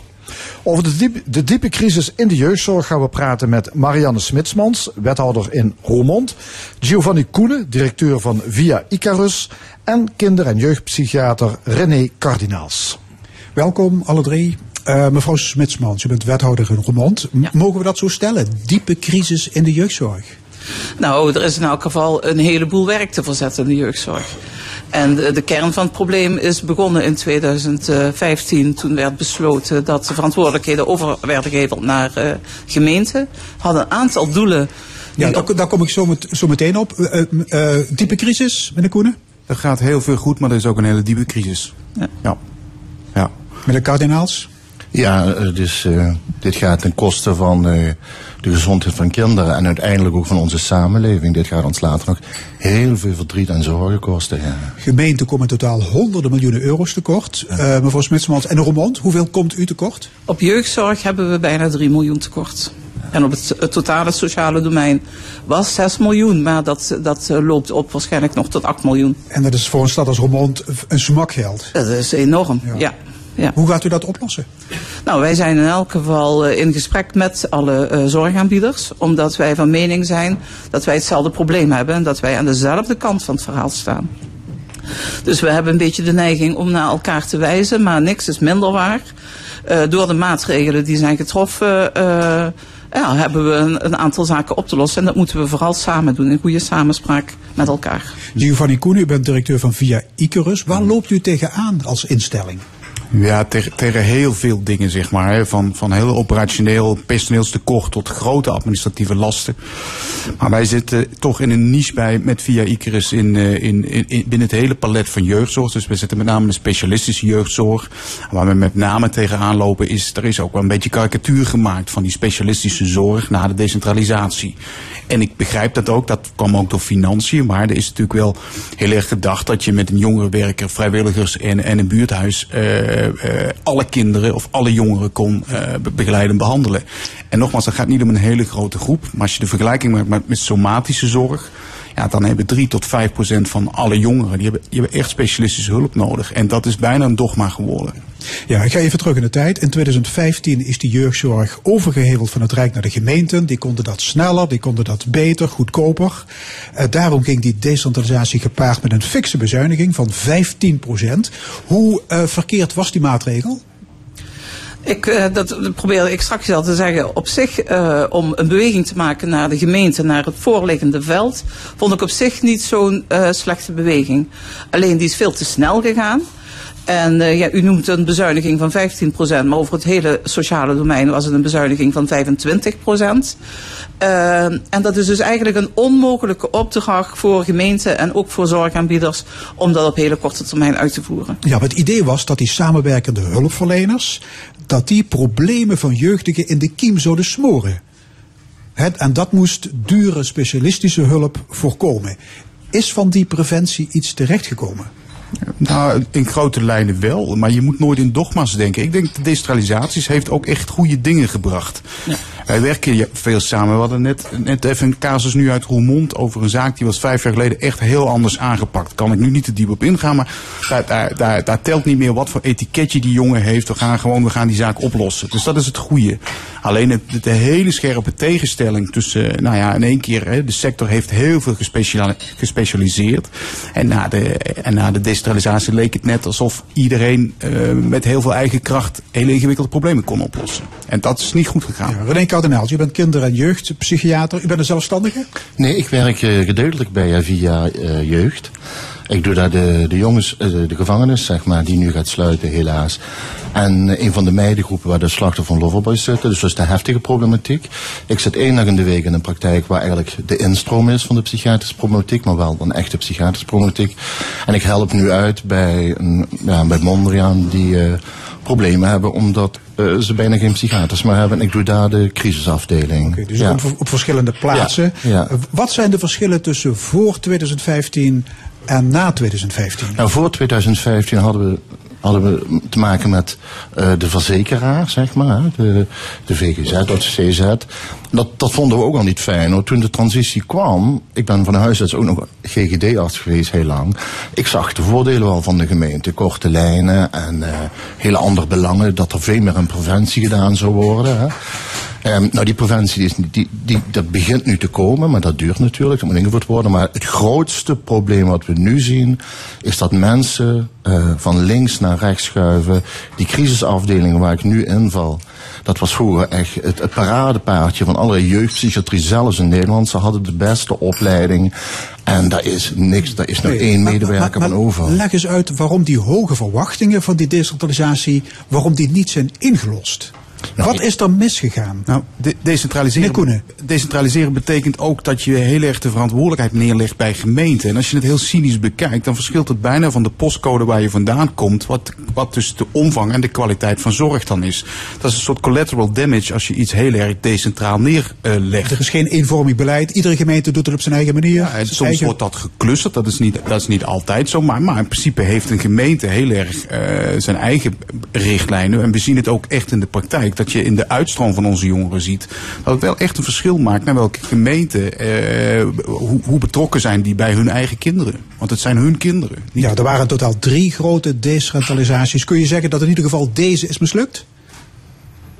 Ja, ik vind mislukt vind ik, het is precies zoals de wethouder zegt, mislukt vind ik, doe je ook veel professionals, doe je ook de, de, de vrijwilligers en de professionals die we, die we nu in de sector wel meer betrekken. De samenwerking doe je echt tekort. Dus van een totale mislukking wil ik niet spreken, maar, maar een transformatie, dat heeft Denemarken ons ook geleerd, dat kost een eerste aanleg altijd geld. Eh, daar plukken ze nu de revenue van 10, 15 jaar nadat ze daarmee begonnen zijn. Ja, wij hebben het, da- da- daar zit wel de, het hete hangijzer zonder steeds over die zak met geld te beginnen. Ja. Maar, maar je kan niet transformeren als daar 30% van het budget afgaat. Nee, en bovendien de waarschuwingen toen waren niet van de lucht, hè, mevrouw Smitsmans. Ik heb krantenknipsels uit 2014 bewaard met koppen als Limburg luidt noodklok over geld. Jeugdzorg vreest ondergang. Er werd voorspeld dat er een puinhoop zou worden. Precies zo voorspeld. 400 advocaten hebben zich samengevoegd. Er is niks mee gebeurd. Er is een wethouder geweest. Die heeft gest of nee, wethouder, sorry, een staatssecretaris van Rijn. Die man heeft gesteld van, nou, die kinderen die in de psychiatrie terechtkomen, die moeten maar dagvergoedingen gaan betalen, die ouders. Dat is belachelijk, dat zou je in de somatiek, in de, de, een normaal ziekenhuis waar een kind met diabetes ligt, longziet, nooit er doorheen gekregen hebben. Maar daar zijn echt fouten gemaakt. En wat het probleem is in Nederland, dat de mensen die fouten maken, geen, zoals wij het in de orthopsychiatrie doen, de, de, voor de kinderen met gedragsstoornis, die moeten een sorry-tekening maken. Die moeten, die moeten laten zien dat ze beseffen dat ze fouten hebben gemaakt. Maar deze mensen die stromen gewoon door naar de volgende functie waar ze een heleboel geld gaan verdienen. En die zijn er klaar mee. Maar de kinderen en de ouders die zitten met de problemen. Ik heb heel veel zieke collega's. Die waren in 2013, 14 ook wel. Er waren, toen ook, er waren ook wel problemen, maar niet zo erg als nu. Is nu, het is, het is echt vijf na twaalf voor een heleboel kinderen. Hè. Er stromen ook veel te veel kinderen de psychiatrie in. Dat gaat ook nog op geld kosten. gaat ook wel een heleboel geld kosten om die kinderen gezond te gaan verklaren straks. Omdat er, mede door de marktwerking, een heleboel laagdrempelige voorzieningen gekomen zijn. Die misschien wel heel goed zijn, maar die klauwen vol geld kosten. Maar even voor de, voor de duidelijkheid. Hè. Kinderen die thuis allerlei ellende meemaken. Je noemde net loverboys. Je kunt ook denken aan geweld, drankmisbruik. Worden die nu meteen geholpen? Of komen die op een wachtlijst? In sommige gemeenten worden ze gemeen, eh, meteen geholpen. We hebben met sommige gemeenten echt perfecte samenwerkingen. We kunnen het even buiten de regio houden. Tilburg en Breda. Breda heeft zijn geld op orde. Maar dan moet je als kind niet wonen. Als je vervelende ouders hebt of die drugsverslaafd zijn. En Tilburg, dat zijn ook die jongeren die dan bij ons geplaatst worden.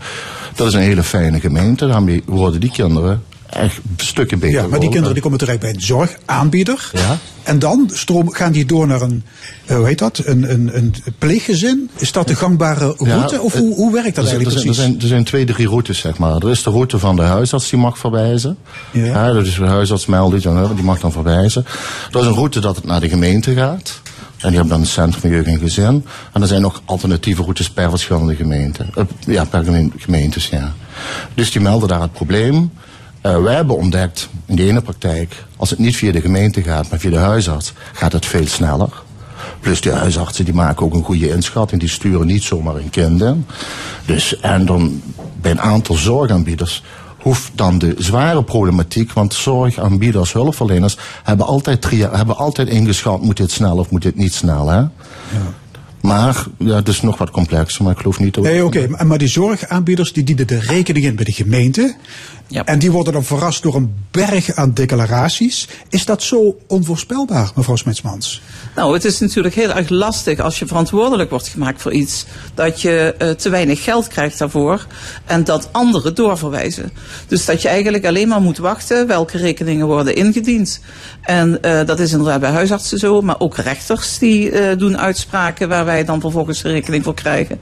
En dat maakt natuurlijk onze positie een hele, een hele lastige. Ja, we zitten in een onmogelijke situatie eigenlijk. Oh ja, onmogelijk. Het is net wat ik zei, we zitten in nauw overleg met, eh, met eh, de aanbieders.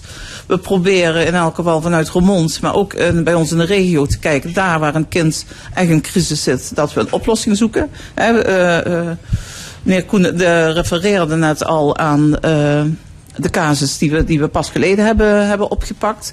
Dat is gewoon als er iets moet gebeuren met een kind en het is echt dringend, dan zoeken we echt zo lang als mogelijk naar een oplossing. Maar het is niet eenvoudig.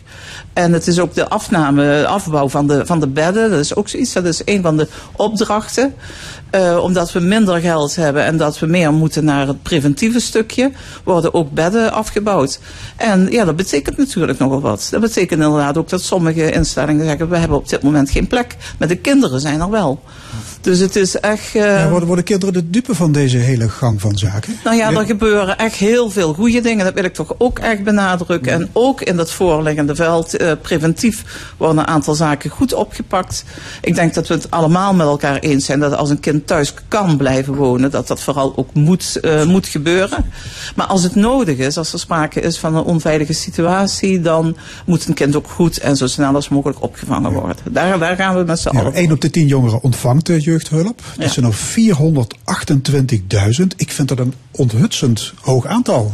Meneer Kardinaals, hoe, hoe, hoe, komt dat? Nou ja, er zijn een heleboel oorzaken voor natuurlijk. Hè. Dit komt nooit zomaar. Eh, we hebben in Nederland heel veel drugsproblematiek. En elke generatie drugsverslaafden wordt ongeveer 15% minder slim.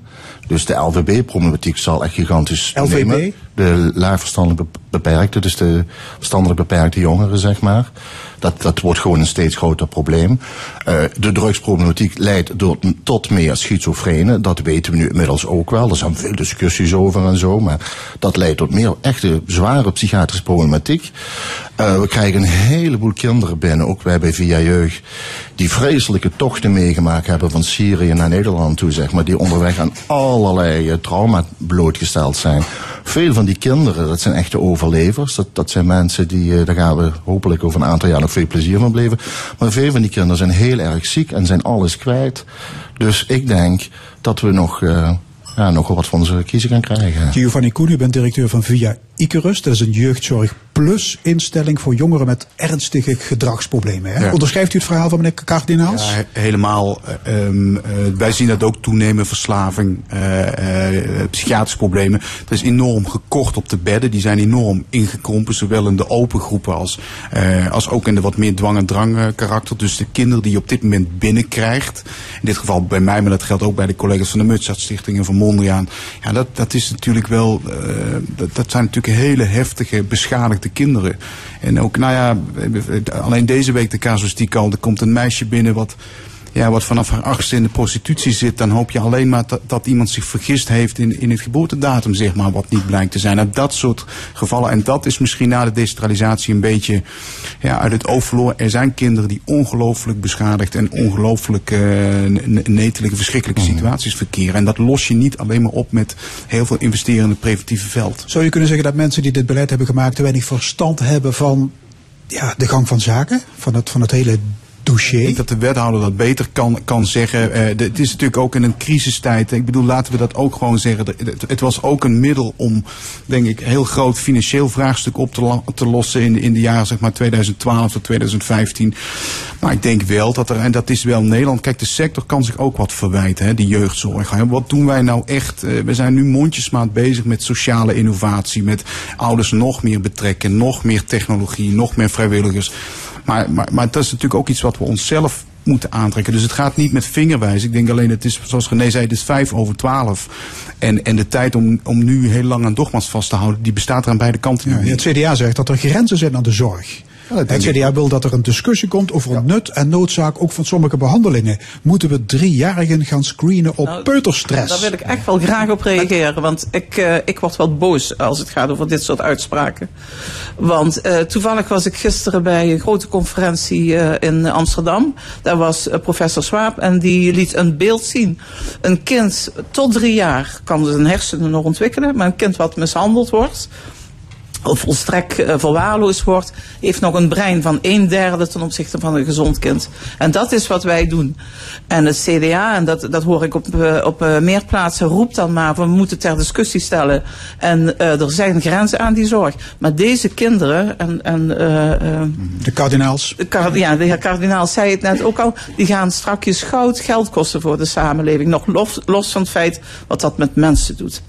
Dus met andere woorden, mensen die zorg nodig hebben, moeten gewoon per se die zorg krijgen. En de minister is al tot één keer gekomen, heeft gezegd, er komt niet alleen incidenteel extra geld bij, er komt ook structureel Ja, geld komt- eh, bij. Incidenteel komt er 1 miljard euro komt erbij. Hè? Ja, maar hij heeft afgelopen maandag gezegd dat hij ook gaat kijken dat er structureel geld bij komt. Dat is in elk geval een eerste voorzichtig stapje.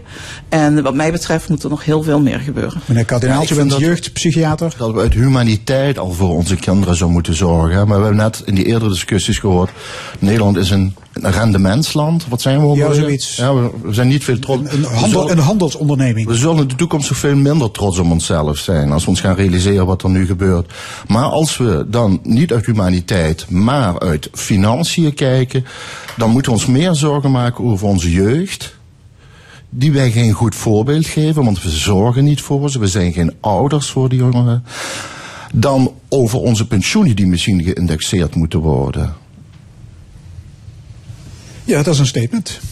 Ehm, meneer Koenen, eh, u bent minister van Zorg. Hoe zou u deze crisis in de jeugdzorg oplossen? Ja, dat, dat is echt niet in een one-liner te duiden. Eh, Het is precies zoals ik zei. Ik, ik denk, de decentralisatie heeft veel goede dingen gebracht. Eh, ehm, eh, dat, dat, is, dat is geen verkeerde denkrichting. Maar eigenlijk zou ik, wat, wat hier aan tafel is gezegd, wi- willen bundelen in beleid. Ga, af van dogma's en, en, en sta voor, voor deze groep kinderen. Waar, waar je bij, als minister van Zorg over na moet gaan denken, is wat valt binnen de jeugdwet, wat ga je, wat ga je financieren. Als ik zie dat allerlei dingen bij de gemeente nu op het bordje komen, waarvan ik denk, ja, dat is natuurlijk ook, eh, dat, zit hem ook in onderwijs, of dat zit hem ook, nou, dat, daar zou je op een andere manier naar moeten, naar, naar moeten kijken.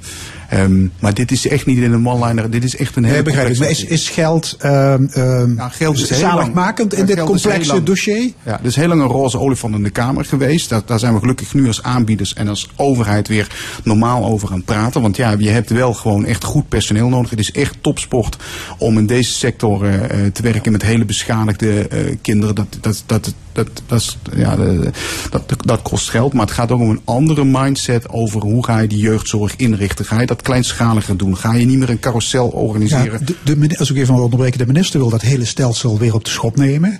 Hij pleit voor meer samenwerking tussen de gemeenten in de regio. Enfin, het is nog een beetje vaag, mevrouw Smitsmans. Begrijpt u waar hij heen wil? Ja, nou, ik heb in elk geval begrepen dat, eh, dat hij wat dwingender wil opleggen hoe, op welke manier wij eh, moeten gaan samenwerken. En ik zou eigenlijk willen zeggen naar, eh, naar de minister, en dan gaat het wat mij betreft over het hele sociale domein, dus participatiewet en WMO en jeugdzorg. Als je kiest om te decentraliseren, dan laat het ook bij de gemeente liggen. En dan laat ook daar de verantwoordelijkheid en het initiatief eh, daar liggen. Wij zijn heel goed in staat om dat met z'n allen eh, samen op te lossen. Samen met de zorgaanbieders en samen met de gemeente onderling. Maar nu zeggen ze het een, maar acteren soms ook op het ander. Er wordt links en rechts steeds ingegrepen. En eh, ja, dat is geen decentralisatie. Dus of het een of het ander. Wil nog iemand iets kwijt, tot slot? Nu laten we er zijn voor deze kinderen. Want, want het is echt, het is echt heel ernstig wat er gebeurt. Maar laten we vooral naar die band gaan luisteren, want die is heel erg goed. Laten we doen. En die, die jongens, die hebben een vader, dat was een oude straathoekwerker, die heette Delis in Maastricht. En die heeft ervoor gezorgd dat een heleboel jongeren niet in de psychiatrie gekomen zijn. En ik zou de gemeente in ieder geval willen oproepen om dit soort functies weer aan ere te herstellen. Het hoeven geen stadsmariniers te zijn, maar gewoon mensen die zeg maar aan de basis staan, waardoor de jongeren die we ontsporen. U pleit voor de comeback van de straathoekwerker. Absoluut. Oké, ja. mag ik jullie hartelijk danken. Marianne Smitsmans, wethouder in Roermond. Giovanni Koenen, directeur van Via Icarus. En kinder- en jeugdpsychiater René Kardinaals. Dank jullie wel. Ja, we gaan naar de band luisteren. En eh, dat is eh Sheng Sher en de Shele. Die staan hier eh, vandaag op ons podium.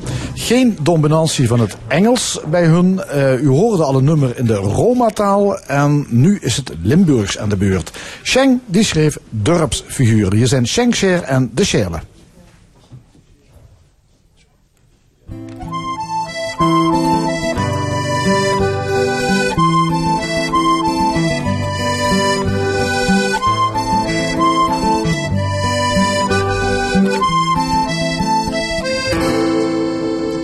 Als s'avonds de maan boven het heuvel aansteekt en Jan van de Steeg zich de leegte nu deed, dan huurt ze gefluister en gelach in duister.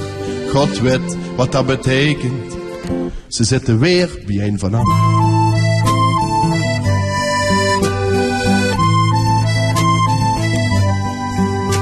Het is wie een wonder, dat gebulder en gedonder, dat gezang en geschreeuw en gelach in het bijzonder.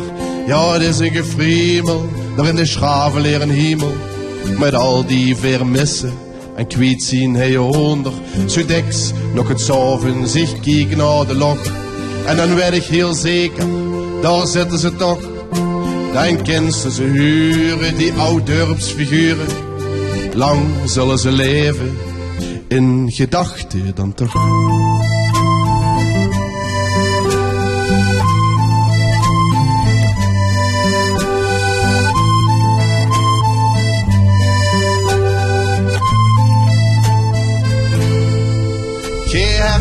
Ze toch zeker, de Schenghutje maker. En daar bij de venster, de nieuwe prins. En de drie van Van Gerven, vier vingers aan één hand. En de Schenk van der Bos, en de neer bij zijn Frans. Op haar gezondheid, oude tijd, oude vriend, voor altijd in gedachten. Te lang blijven plakken en tranen gelachen. Ledderzaad aan de bar, eindeloos moppen tappen daar bij Café Quante en al zo Gilgeer. En een keer zien geweest, er in de schaven leren hemel. Want er is het al dag feest, maar toch blijf ik hier. Tussen die anderen meer, toch piemelen, dat ons mag het schaven. Voor dat veer gewoon hemelen en al is het misschien. Niet altijd zonneschijn, toch ben ik gegroetst op. en mijn schraveleer te zien.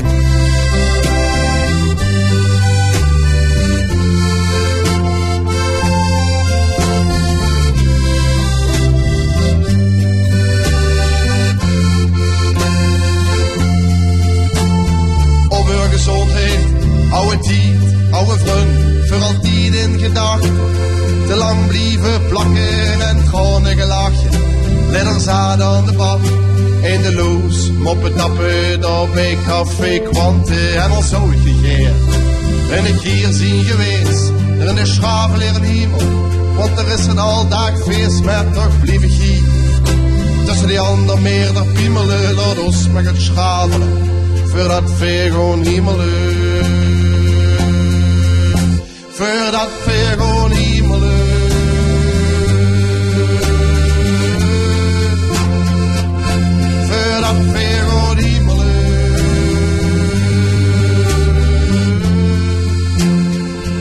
Voor dat hemelen.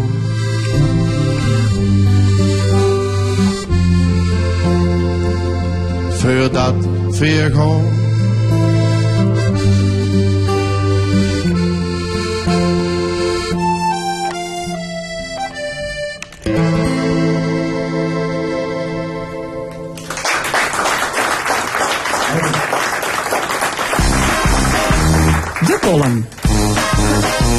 Vandaag met Rezi Kouwmans. Dames en heren, ik ben het zat. Nee, echt waar.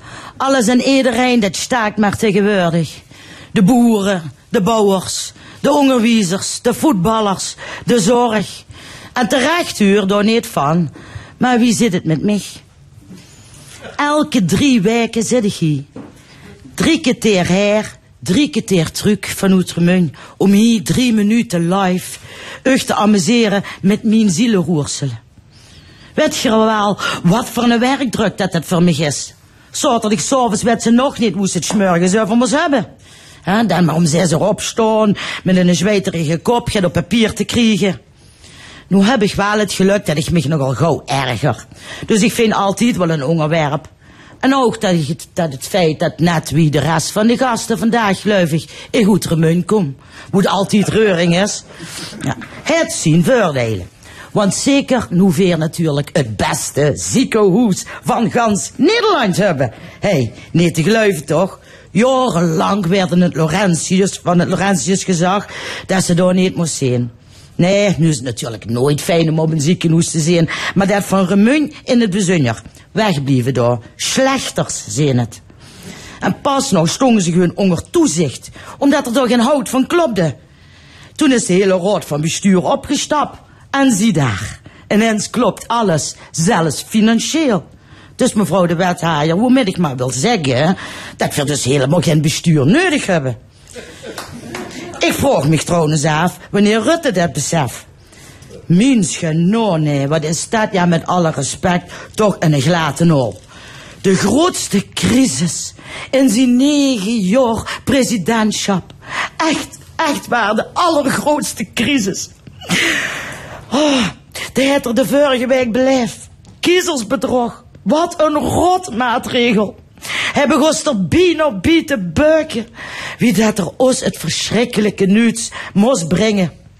Dat voor overdag nog maar hongert mogerieën. Alsof ze ooit veel heller kind zien in dit smurvelandje.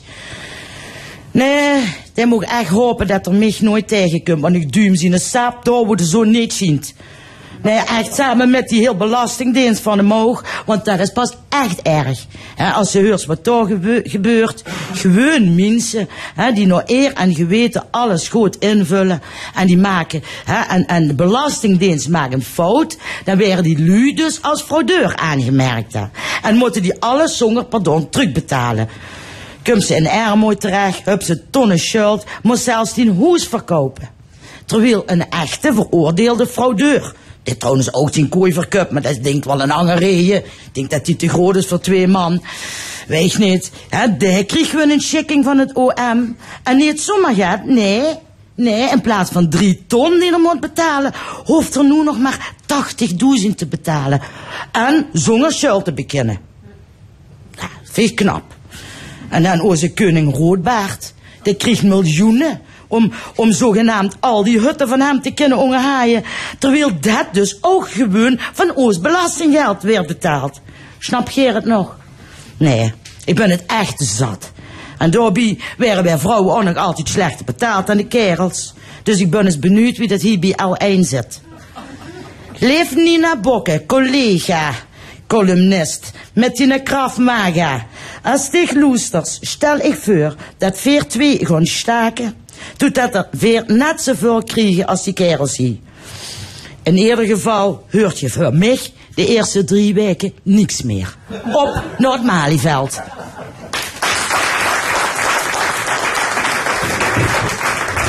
De column van comedienne en kastelein Rezi Komans. U luistert naar L1 met de stemming. We zijn toe aan het discussiepanel. Ik heet van harte welkom Terza Hoeben, voorzitter van de Rode Vrouwen in de PvdA, ondernemer Cor Bosman en communicatieadviseur Loek Hustings. Ja, enkele partijen in de Tweede Kamer die willen dat de GGZ-zorg aangepakt gaat worden. Kamerleden snappen niet dat drievoudig moordenaar Thijs H. niet werd opgenomen toen zijn ouders daarom vroegen. Ehm, is het eigenlijk uit te leggen dat de Kamerleden hier iets van vinden? Um, Loek?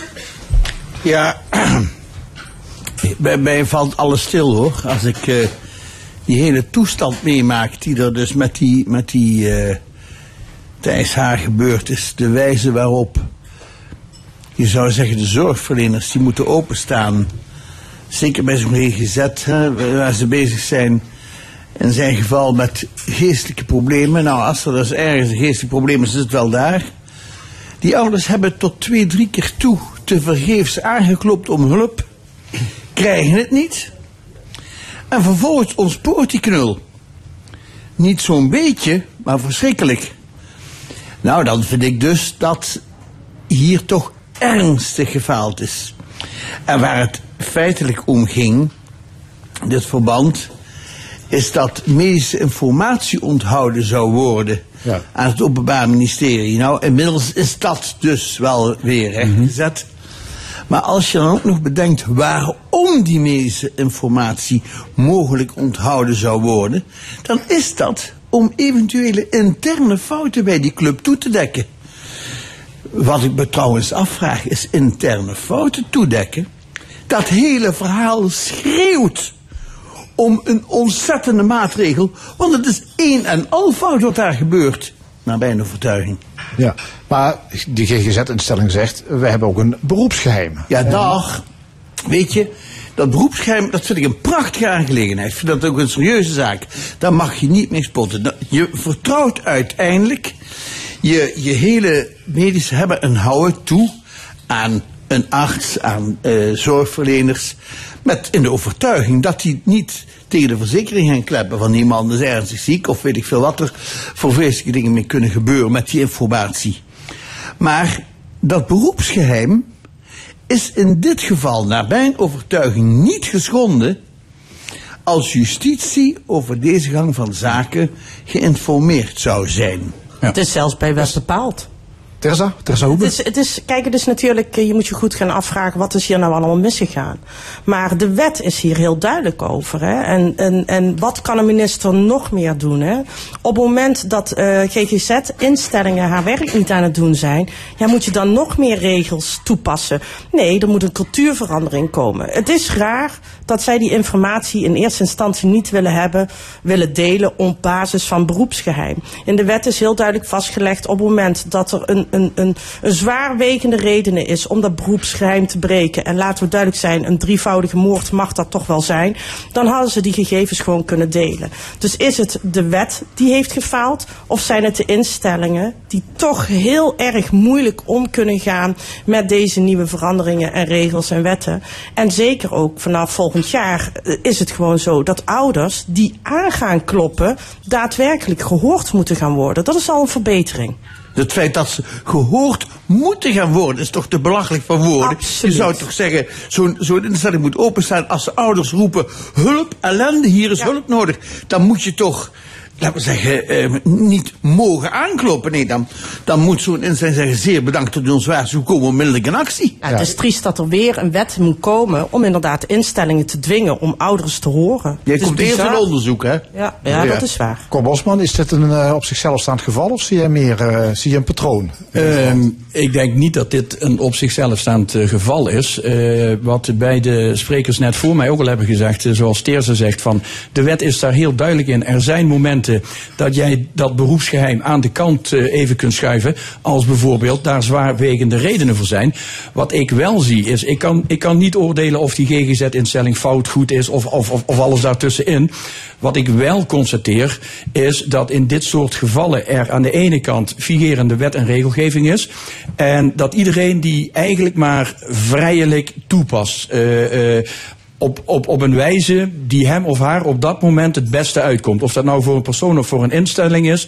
In dit geval, zoals Teers ook al zegt, van er waren heel zwaarwegende redenen om dat medisch beroepsgeheim even aan de kant te schuiven en dat te delen met andere instanties. Waarbij ik wel wil opmerken, en wat Loek ook al terecht zegt, van dat medisch beroepsgeheim, dat moet je absoluut niet aan de kant schuiven, dat moet je in stand houden.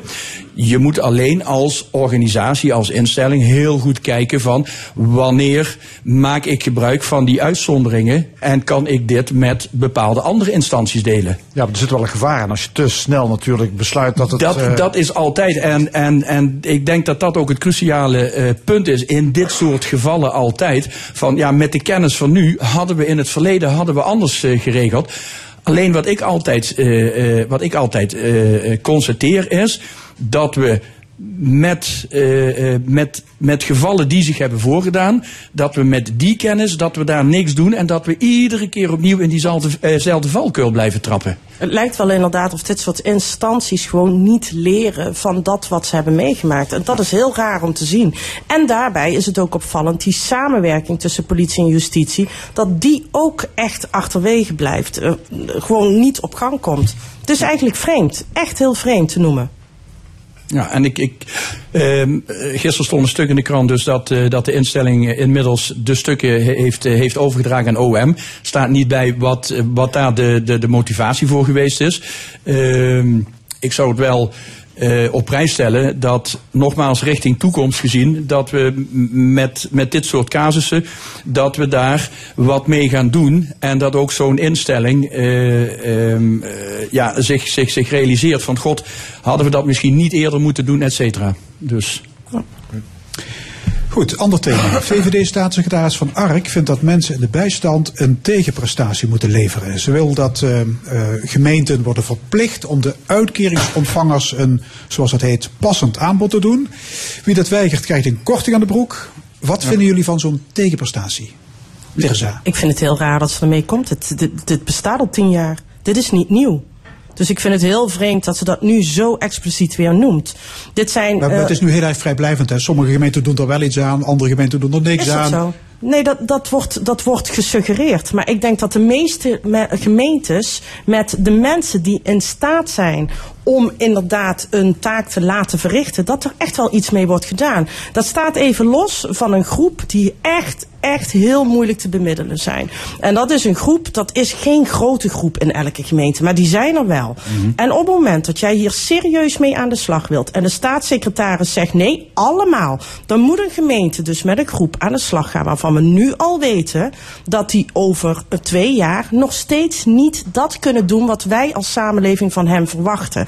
Dat andere verhaal van al die andere mensen in die bijstand, geloof me, de meeste gemeentes hebben het echt wel op de rit. Het is gewoon niet waar dat al die mensen maar vrijblijvend hun uitkering krijgen. Dit is, dit, ja, ik vind het echt zo'n zo'n fake story verhaal. Cor Bosman? Ja, ik denk, denk een beetje spierballentaal van, eh, van de staatssecretaris. Eh te meer omdat het eh, rapport van het Sociaal en Cultureel Planbureau... dat dat echt vernietigend is over de participatiewet... die, die er destijds doorheen gedrukt is. En in het... In dat rapport staat dat een tegenprestatie niet helpt bij het vinden van een echte baan. Van, van een Het echte baan. dwang werkt niet bij het vinden naar regulier werk. Maar in, in zijn totaliteit dat de gedachte waar, waarmee de participatiewet uiteindelijk tot stand is gekomen, eh, gefaald heeft. Er zijn niet meer mensen aan het werk gekomen met, eh, die een achterstand tot de arbeidsmarkt hebben, et cetera. Ja, en dan zul je als politiek, zul je natuurlijk wel even moeten laten zien van jongens, hè, we hebben het toch in grif. En dat blijkt dus gewoon niet het geval te zijn. Ze hebben alles op één hoop gegooid. En dan krijg je dus van dit soort dingen, wat Teerse zegt. Er zullen altijd een heel klein groepje mensen zijn. Ik ken ze ook in mijn omgeving. Die profiteren van de maatschappij. Waar een hele grote groep de, du- eh, de dupe van wordt. En ik denk dat nu de focus eigenlijk op het verkeerde ligt. Ja, eens, helemaal Ja, eens. laat ik dan maar weer eens de andere kant van de medaille tevoorschijn toveren. Mensen die niet willen werken, daar kun je aan trekken en aan sjorren wat je wil. Die krijg je niet aan de gang. Daar kun je heel veel energie in steken en het levert uiteindelijk geen barst op. Dan heb ik liever dat je die energie steekt in mensen waar je wel wat mee kunt, die je wel vooruit kunt helpen, dan degenen die absoluut niet zullen en willen werken, vandaag niet en morgen niet. En als ze in het arbeidsproces op de een of andere manier terechtkomen, traineren ze de zaak, liggen ze dwars, zien ze er niks mee op. Staat tegenover dat natuurlijk mensen die door omstandigheden geen werk hebben, afhankelijk zijn geworden van een uitkering. Op het moment dat die in een werkende omstandigheid verkeren en ze willen nog een baan hebben, ze willen nog vooruit, dan is het solliciteren vanuit een werkende omstandigheid altijd veel beter. Ik wil niet zeggen makkelijker, maar beter dan te solliciteren vanuit een werkeloze omstandigheid. Want moment dat je dus vanuit job naar job gaat, word je eerder geplaatst, bemiddeld, hoe je het noemen wil, dan dat je ehm, hulpeloos met de handjes in de kant ehm, zit te wachten omdat je daarmee ook het arbeidsritme verliest. En al die zaken die daar met een, eh, een regelmatig arbeidsproces te maken hebben. Derde punt is, ik ben ervan overtuigd dat mensen die op de een of andere manier geen werk hebben, maar die wel behoefte hebben om te bewegen, om wat te doen, om een rol te spelen in de maatschappij, die zich, doordat ze toevallig geen werk hebben, min of meer voelen achtergesteld, die mensen zie je vaak hun eigen weg zoeken, die gaan in de vrijwilligerssector, weet ik veel, die gaan van alles doen.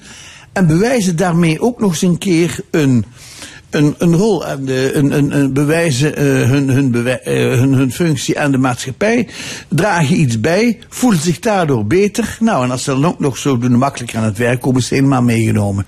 Ja. Ik ben alleen benieuwd wat, eh, welke sancties. Kijk, de staatssecretaris die dreigt nu met sancties. Eh, ik ben benieuwd wat de staatssecretaris eh, eh, haar eigen overheid aan sancties gaat opleggen. Want je ziet op dit moment dat mensen met een achterstand tot de arbeidsmarkt. eh, dat die voornamelijk vanuit de privésector, dus vanuit de ondernemers, aan het werk gezet worden. En dat de overheid daar heel erg achterop loopt. Dan zegt de staatssecretaris van ja, daar zijn diverse oorzaken voor aan te wijzen. Ja, dat is bullshit. Ja, want die inspanningsverplichting van de overheid die is net zo groot als wat een ondernemer heeft. Dus ik ben heel benieuwd wat de staatssecretaris nou behalve die sancties, want ze, legt, ze, ze zegt vervolgens van nou een ondernemer eh, eh, die niet zich aan de afspraken houdt, want we hebben een aantal afspraken gemaakt in het kader van die participatiewet. In het geval van overtreding, als jij geen mensen aan het werk helpt, eh, sanctioneren wij met 5000 euro boete. Ik ben dus benieuwd wat welke, welke sancties de overheid zichzelf oplegt en nog veel belangrijker welke acties dat ze gaan doen om nu die inhaalslag te maken, want ze lopen een heel stukje achter op de ondernemers. Ja, en ik wou net, weet je wat mij nog steeds meer verbaast bij dit soort uitspraken? Eh, ik weet niet of de staatssecretaris weet wat, wat iemand in de bijstand krijgt. Eh, ik weet niet of ze ook weet de gemiddelde situatie van eh, bijstandsgerechtigden. En geloof me, die groep die van onze samenleving profiteert en op de bank blijft zitten, die is echt heel klein. De meeste mensen in de bijstand willen er liever niet in zitten. Ga ze korten, ga ze vooral nog meer afnemen. We hebben al een enorme grote hoeveelheid armoede. Dat is een van de onderdelen binnen mijn werk die ik het meeste tegenkom. Mensen die vanuit armoede volledig lam geslagen zijn. Wel ja, laten we deze groep ook nog maar eens korten en zorgen dat ze nog dieper in die put komen. We hebben ook nog een goed nieuwsverhaal. Een eh, gezonde lunch op school doet wonderen. Kinderen zijn minder dik, ze gedragen zich socialer en ze stimuleren ook nog eens hun ouders om ook gezond te gaan eten. Het blijkt allemaal uit een proef in Landgraaf en Brunsum op scholen. En de staatssecretaris Blokhuis die was daar deze week op bezoek om te kijken naar dat, eh, de uitkomsten van dat eh, hele plan. Ehm, is het een idee om dit groter te gaan opzetten? Denken jullie dat dat eh, iets, eh, iets oplevert om gewoon in heel Nederland gezonde lunches op scholen te gaan verstrekken? Cor Bosman? Ehm, ik denk niet dat het voor heel Nederland geschikt is. Als je kijkt naar de, eh, naar de proef die dus nu in Zuid-Limburg draait op initiatief van Marco Reumkens. Ehm, ik denk dat dit een heel goed geslaagde proef is. Eh, een, een, een, een visie van een man die vanuit zijn werkveld heeft gezien van... hé, hey, waar schort het aan? Daar vervolgens een plan eh, voor maakt. eh, daarbij ook nog hulp krijgt van bijvoorbeeld de Universiteit Maastricht. Een stukje financiële ondersteuning vanuit de provincie. En daar ook nog een keer resultaten op school zet. Ehm, dat, dat is gewoon een succesverhaal. Om te zeggen, dit succesverhaal kun je één op één vertalen in, de hele, eh, in heel Nederland. Nee, want provincie Limburg, of eh, niet, niet provincie Limburg, maar de regio, de oostelijke mijnstreek waar deze proef nu loopt, die ligt eh, op heel veel vlakken, loopt die achter op de rest van Nederland. En ik denk dat daar dus ook een, een, een, een, een verklaring is van een stukje van het succesverhaal. Ergens waar, ehm, waar heel weinig resultaat ligt, is het makkelijker om een goed resultaat te scoren. Zeker als dat onderbouwd wordt en ondersteund wordt met een goed programma. Wat dit is. Dus om het één op één te vertalen, nee. Verdient het eh, voortzetting in de regio? Ja, heel zeker. Moet de provincie Limburg blijven financieren? Absoluut. Ja, dus wel voortzetten in Parkstad, maar niet elders. Eh, Terza, hoe kijk jij er tegenaan? Nou ja, Movara is eh, mijn troetelkindje geweest in de statenperiode. Die heb ik ook eh, van het begin af aan, toen dit project liep, volledig ondersteund en ook constant onder de aandacht gebracht. En gelukkig toenmalig gedeputeerde Marleen van Rijsberg heeft, is daar ook actief mee aan de slag gegaan met Movara om het echt maximaal te ondersteunen. Ik blijf nog steeds van mening dat ik wil dat onderwijs een, een, een onderdeel van de overheid wordt en dat wij onze kinderen maximaal alle kansen bieden. En dat is dus de kansen bieden op een gezond, goed leermoment eigenlijk. En er hoort ook gezonde voeding bij. Feit is gewoon dat steeds meer kinderen met een kale boterham naar school gestuurd worden. Soms zelfs zonder boterham. Dat betekent dus dat Movare naar mijn mening juist perfect is uit te rollen. Met name bijvoorbeeld in de Randstad steden waar kinderen letterlijk in armoede leven, die in Nederland, waar we voor 30 jaar geleden dachten dat is onmogelijk, in een rijk land als Nederland. Het, Movare is echt gericht op juist meer die kansarme gebieden. En die zijn er veel in Die er, Nederland. maar die zijn er toch ook in Limburg en andere Die zijn steden? er zeker. En ik zou juist. En Movare is niet bedacht alleen voor eh, dit gebied. Het is echt met de gedachte van. Als wij hier kunnen laten zien dat wij kinderen die eigenlijk in een achterstandsgebied leven. toch maximale kansen gaan bieden. door ze een gezond leven te bieden. een goed leersysteem. En dat ze vanaf het begin van de ochtend tot het eind van de dag. maximaal ondersteund worden. Je biedt ze gewoon kansen die ze anders niet krijgen. Hoe mooi zou dat zijn als we dat in de rest van Nederland zouden uitrollen. in gebieden waar dat nodig is. Ja, Loek, hoe kijk jij er tegenaan? Ja, ik, ik, ik, ik juich dat ook zeer toe. Daarbij komt, als je ehm ook nog eens nadenkt dat scholen natuurlijk ehm ook nog, hè, waar, daar waar man en vrouw werken, een soort van opvangfunctie hebben om, om kinderen op een zinnige, nuttige manier bezig te houden. Nou, dan wil die maaltijd er nog wel eens bij inschieten. Op deze manier is dat eh, gegarandeerd. Daarbij, ehm wat je er werd dus al gezegd, je hebt gebieden waar armoede een rol speelt, waar minder aandacht is voor eten en voor gezonde voeding.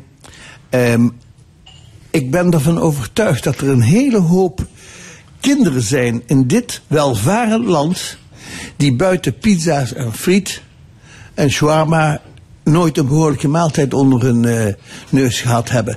En ik denk dat je op deze manier kinderen leert dat er ook nog andere mogelijkheden zijn om te consumeren dan alleen maar die vuiligheid die snel en fast en weet ik veel wat En het leuke is. van dit programma is ook nog dat zij hun voedingspatroon mee hebben genomen naar huis.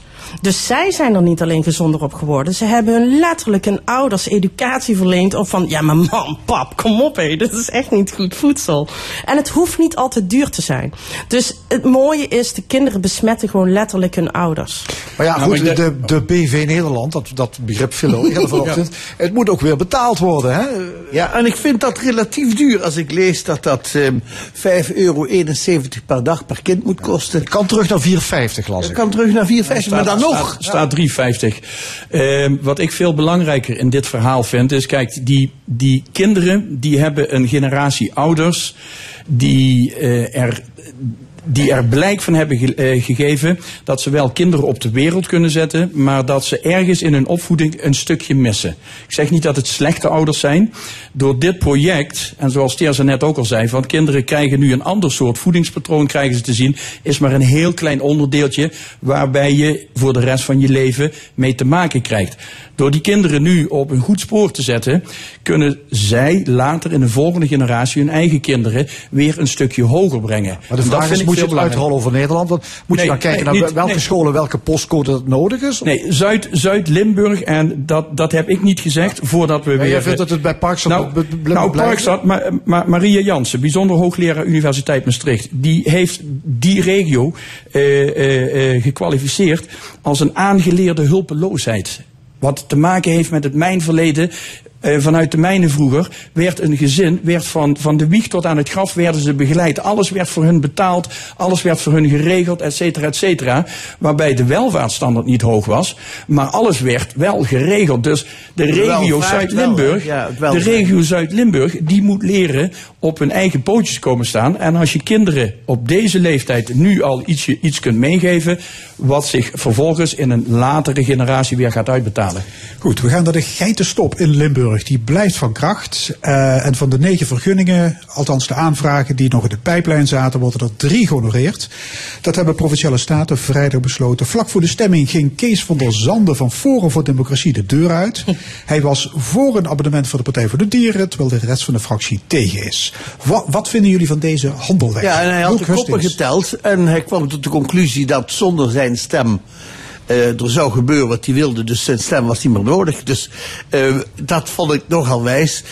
In die zin dat ehm, door, een, eens, door eerst je ontslag aan te bieden en vervolgens te, gaan, te komen meestemmen. Ja, maar die, hij ligt sowieso overhoop met zijn fractie. Reden waarom hij per 1 december de fractie verlaat. Nou, hier is dus, dit is wel poppenkast, hè. En, en eh, eh, voor mij maakt het weer eens duidelijk. En dat zie je keer op keer bij, bij nieuwe partijen. Zo'n nieuwe partij die ineens met een geweldig succes ehm, eh, zetels verovert. Het zij in het parlement, het zij in de gemeenteraad, het zij in eh, provinciale staten.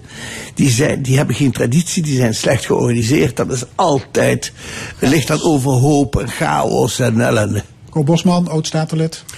Ehm, ja, ik zie hier eigenlijk een beetje hetzelfde verhaal als destijds bij de PVV. Eh, Dat wou ik ben het, niet zeggen. ik, ben het, ik ben het niet met je eens dat het slecht georganiseerd is. Mhm. Waar nieuwe partijen zich eh, ehm, eh, absoluut niet van bewust zijn, is met de machten en de krachten van de institutionele partijen, zoals de alle grote partijen in Nederland, met de power wat die aan de achterkant hebben. En de traditie die ze hebben. Ja, goed, traditie, noem het maar wat je wil. Maar die partijen die, die zijn zo georganiseerd. Daar krijg jij geen vinger tussen. Zeker niet als nieuwe partij. En zeker niet als een partij die dan ook nog een keer bij de verkiezingen de grootste wordt.